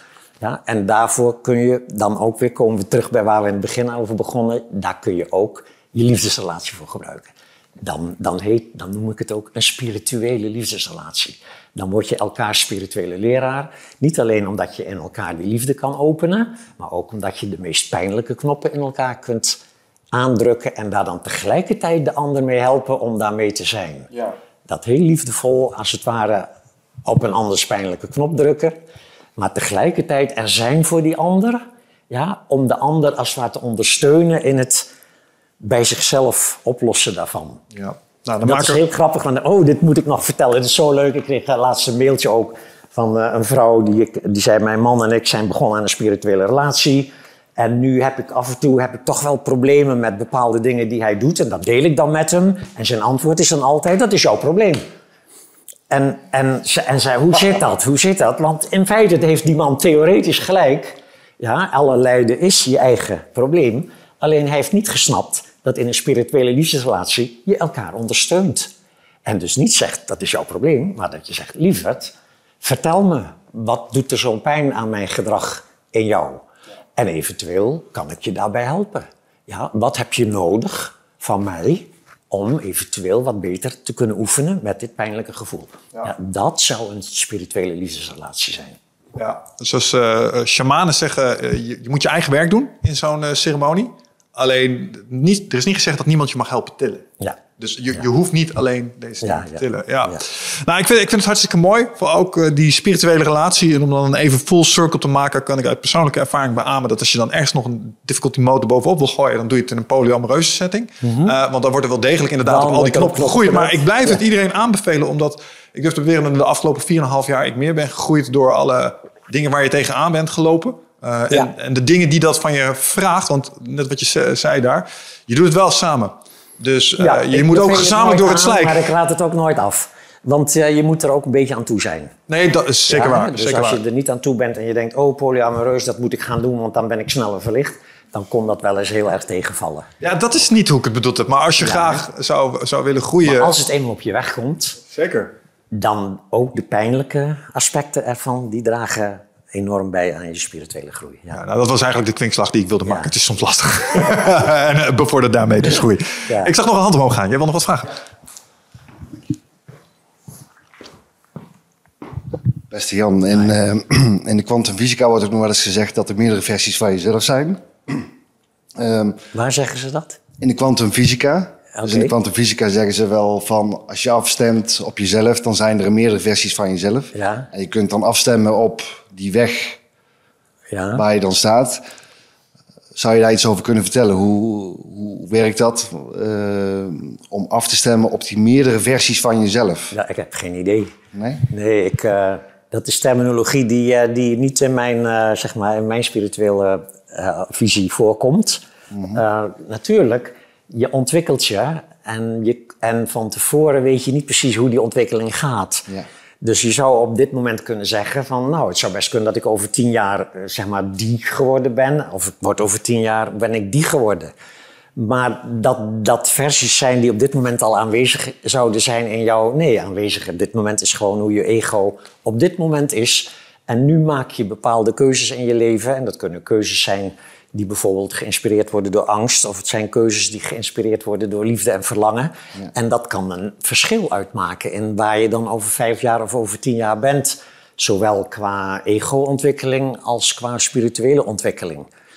Dus ik zou kijk, het, anders lijkt het toch weer een beetje op dat manifesteren. Ik kan zeggen, want ik denk dat ik je kan helpen. Ja, hè? Dan, uh, dan als je dan denkt, nee, wacht even, je moet gewoon heel erg gaan voorstellen van, nee, wacht even, wie wil ik zijn over vijf jaar? Ga je het helemaal voorstellen, ik wil dan heel krachtig zijn en ik wil geld hebben genoeg en ik wil een leuke relatie hebben. Dan ga je helemaal voorstellen en dan, en dan krijg ik dat ook.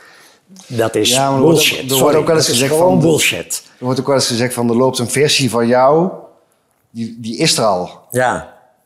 Alleen er zijn meerdere versies en waar ga jij op afstemmen? Ja, ja ik vind dat een mooi verhaal. Maar het, het, het, nadeel van dit verhaal is dat het vaak ego's stimuleert om heel erg te gaan streven naar iets anders dan ze op dit moment zijn.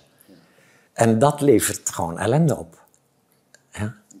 Ja. Dus er is geen ruimte in, uh, in de filosofie. Want waar dit volgens mij een klein beetje vandaan komt, is ook de, de occulte hoek. Um, dat je middels geesteskracht, um, zeg maar, Many World Theories is een kwantummechanische theorie dat ja. elke keer als jij iets besluit te doen, ik ga wel naar de podcast, ik ga niet naar de podcast, ja. ontstaan er twee tijdslijnen. Ja. En middels gedachtekracht kun je jezelf, en, en soms occulte rituelen, kun je jezelf in een andere tijdslijn plaatsen, Mhm. waarbij het wel gelukt is. En waarbij het, Ja. en um, ik snap waar je vandaan komt. Ja. En als het allemaal mind zou zijn waar dit in afspeelt, zou er misschien iets voor te zeggen kunnen zijn. Maar je gaf ook aan dat manifestatiedenken, ja, dat kent ook wel eens een valkuilen. Maar dat, dat, dat is Ja. een beetje waar dat tegenaan hangt. Ja, het, een valkuil, kijk, op zich, op zich eh, alles is een manifestatie van bewustzijn. Maar daarbinnen is het toch het ego, wat heel erg dat niet herkent en alles beschouwt als werkelijk bestaand en werkelijk materieel en werkelijk solide. En dan ga je vervolgens met dit soort theorieën, gaat meestal het ego aan de, aan de haal. Ga je heel erg zeg maar, je best doen om te visualiseren, om iets te manifesteren wat je nu nog niet hebt, Ja. nu nog niet bent. En dat wil je dan heel graag worden. En dat levert dan heel vaak frustratie op. Ja, er is Ja. een heel grappige, ik weet niet of ik dat nu, anders knip je het er maar uit. Maar eh, ik las toevallig, zag ik een videootje van Eckhart Tolle, die het ook over manifestatie had. En ik was al, hè, over manifestatie? Zo van, dat past eigenlijk helemaal niet bij wat ik, want ik vind hem wel een heel authentiek spiritueel leraar. Maar toen ging die, ik luisterde dus en hij zei, precies hetzelfde als wat ik nu net zei van manifestatie. Als dat betekent dat je heel erg zit te hopen op iets. En heel erg zit te verlangen naar iets. En heel erg zit te bedenken wat je graag zou willen zijn, wat je nu nog niet bent. Levert alleen maar extra ellende op. Hij zegt maar als je nu de echte manier van manifesteren, zei hij, is dat je gewoon al doet alsof je dat geluk al hebt. Je bent al, weet je wel, rijk. Je bent al in een fantastisch liefdevolle relatie. Je bent al succesvol. En dat geluk, als je dat eenmaal kan voelen, dat is manifestatie. Maar het grappige is natuurlijk dat je het helemaal niet meer nodig is dan om nog te veranderen. Want dan ben je al gelukkig. Ja, dus, dus hij haalt eigenlijk manifestatie. Hij doet of hij het ermee eens is. En haalt langs de achterdeur als het ware het hele concept onderuit. Door juist dat streven eruit te halen. En gewoon zeggen, nee, zorg maar gewoon dat je nu gelukkig bent met wat er nu is. Ja. Ja? En wat Ja. zich dan manifesteert in je leven, dat manifesteert zich ook op een natuurlijke manier. Dat, daar hoef jij niet naar te streven, daar hoef jij geen technieken voor te gebruiken. Nee, ik, Als je, ik snap als, het. je, als je doet wat je graag doet, als je gelukkig bent en dat tot uiting brengt in je leven, ja, dan maakt het niet uit wat je manifesteert. Nee. Nou, ik denk dat het goed is om dit nog wel eventjes zo te benoemen. Want het, het is een eh, valkuil die ik herken. En je ziet hem eh, best wel vaak terug in de eh, psychonautische hoek. En dat is, ik moet even kijken of het goed uitspreekt, maar solo... Als je denkt dat jij degene bent die het centrum bent van het universum. Dus ik weet maar één ding echt zeker. En dat als ik waar ben. Ja. Jullie echt bestaan, dat moet je nog maar afwachten. Ja. Snap je? Vanuit mijn perspectief. Ja, ja, ja, Eh, dus dan, dan zou je het idee kunnen krijgen, ik ben God en alles vindt plaats in mijn universum. Ja, Snap dat je? is solipsisme. Die bedoel ik. en, dat is, en dat is een bepaald syndroom, dat kun je ontwikkelen als je dat echt begint te geloven. Ja, oké. Snap Ik je? wist En- niet dat het ook... Is het echt een soort psychische afwijking die je kunt ontwikkelen? Dat, dat is een, Ja, ja, want in de filosofie wordt het altijd gebruikt als een soort schoolvoorbeeld van een absurde theorie die niettemin niet te weerleggen is. Je kan het niet weerleggen. Dus je kunt- Ik ben de enige die echt bestaat. Jullie zijn allemaal alleen maar, zeg maar droombeelden. Ja. En het, het, het is niet te weerleggen. Alleen het is absurd, omdat hetzelfde voor jou geldt. En voor jou ook. En voor jou ook. En dat haalt de hele theorie onderuit. ja, alleen met als uitzondering dat voor mij dat niet te valideren is. als ik daar, ik kan, ik kan, jij kan wel zeggen dat dat zo is. Ik maak de wereld ook mee. Ja, Mhm. Weet ik ervan of dat klopt, snap Ja. je? Want ik kan niet in jouw hoofd kijken. Jij Nee, kan het wel doen, maar daar houdt jouw ervaring op. Maar ook dat weet ik niet zeker. Want het kan maar zo zijn dat dit wordt gegenereerd in een droom. Specifiek Ja. voor mij. En ik denk dat dat... ehm, ik, snap de gedachtegang wel eens. Want dat is, als ik vandaag goed heb opgelet... eh, dat is puur... eh, puur kan het ego denk ik niet aan het roer staan. Mhm. Als, het, als je dat gelooft. Als wat gelooft? Nou, als je echt gelooft in... Hoe, hoe sprak je het nou? Solipsisme? Exact. Als je dat echt gelooft, dat Dat is, de dat- meest pure vorm van manifestatie van je ego. dat, is, dat is dan ja, de meest, de meest eh, egocentrische ego-identificatie. Ja. Denk, en dan denk je dus dat jij God bent.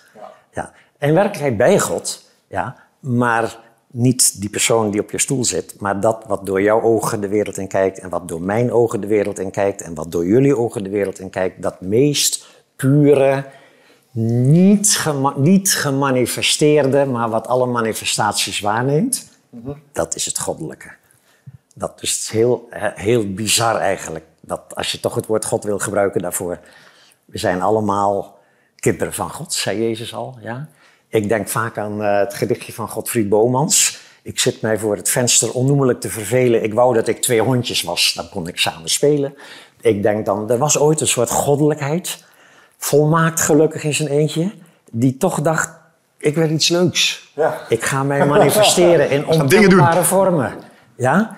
En die zijn hier nu. Ja? Wat ontzettend mooi dat dat er is. En dat er een ik is en een jij is. En dat wij samen kunnen spelen. Terwijl we in feite vanuit dezelfde goddelijkheid ontstaan zijn. En dit is naar mijn idee ook de essentie ook van een werkelijk spirituele liefdesrelatie. Waarbij je dus inderdaad ook door bepaalde beoefeningen... Overigens ook als je niet houdt van je partner, maar gewoon iemand heel aardig vindt, kun je bepaalde oefeningen met z'n tweeën doen, waarbij je als het ware dat goddelijke wat door mijn ogen naar jou kijkt en door jouw ogen naar mij kijkt, met elkaar kunt verbinden, waarbij die twee lichamen even wegvallen en er nog één soort eenheidsbewustzijn is. Dat is het mooiste wat je in tantrische beoefening kan bereiken. echt, en dat kan je, heel grappig, kan je eigenlijk met iedere partner bereiken. Alleen het ego heeft natuurlijk wel bepaalde voorwaarden dat iemand wel een beetje aantrekkelijk moet zijn en zo. en als je van vrouwen houdt, moet het een vrouw zijn. Als je van mannen houdt, moet het een man zijn, weet je wel, dat soort dingen. Ja, maar verder is, is het, dat, dat verliefde hoeft er helemaal niet te zijn. Want dat ontstaat vanzelf in die, zeg maar, tantrische technieken die je dan met een partner kunt eh, beoefenen. Fantastisch. Ja. Echt gaaf. Ik heb het gevoel dat we daar nog een onderwerp hebben waar we rustig nog eens een keer twee uur en een kwartier aan zouden kunnen besteden. Want daar zitten we inmiddels al op. Ja, time flies when you're having fun. Ja. Ehm, dus ik denk dat ik richting een eh, afronding eh, Ja, wil gaan werken. goed, ja. is wel mooi geweest zo. Kijk nog eventjes de zaal door. Zijn er nog hele prangende dingen die we echt graag willen stellen? Oh, anders gaan we huilend naar huis. Nee? Mooi. Ronden we met deze af. Jan, super bedankt weer voor je tijd en je kennis dankjewel. en je wijsheid. Luisteraars, eh, dank jullie wel voor het luisteren. Tot de volgende keer. En iedereen die erbij vandaag bij was, tof dat jullie er waren. Dank jullie wel. Luisteraars, tot de volgende. Ciao.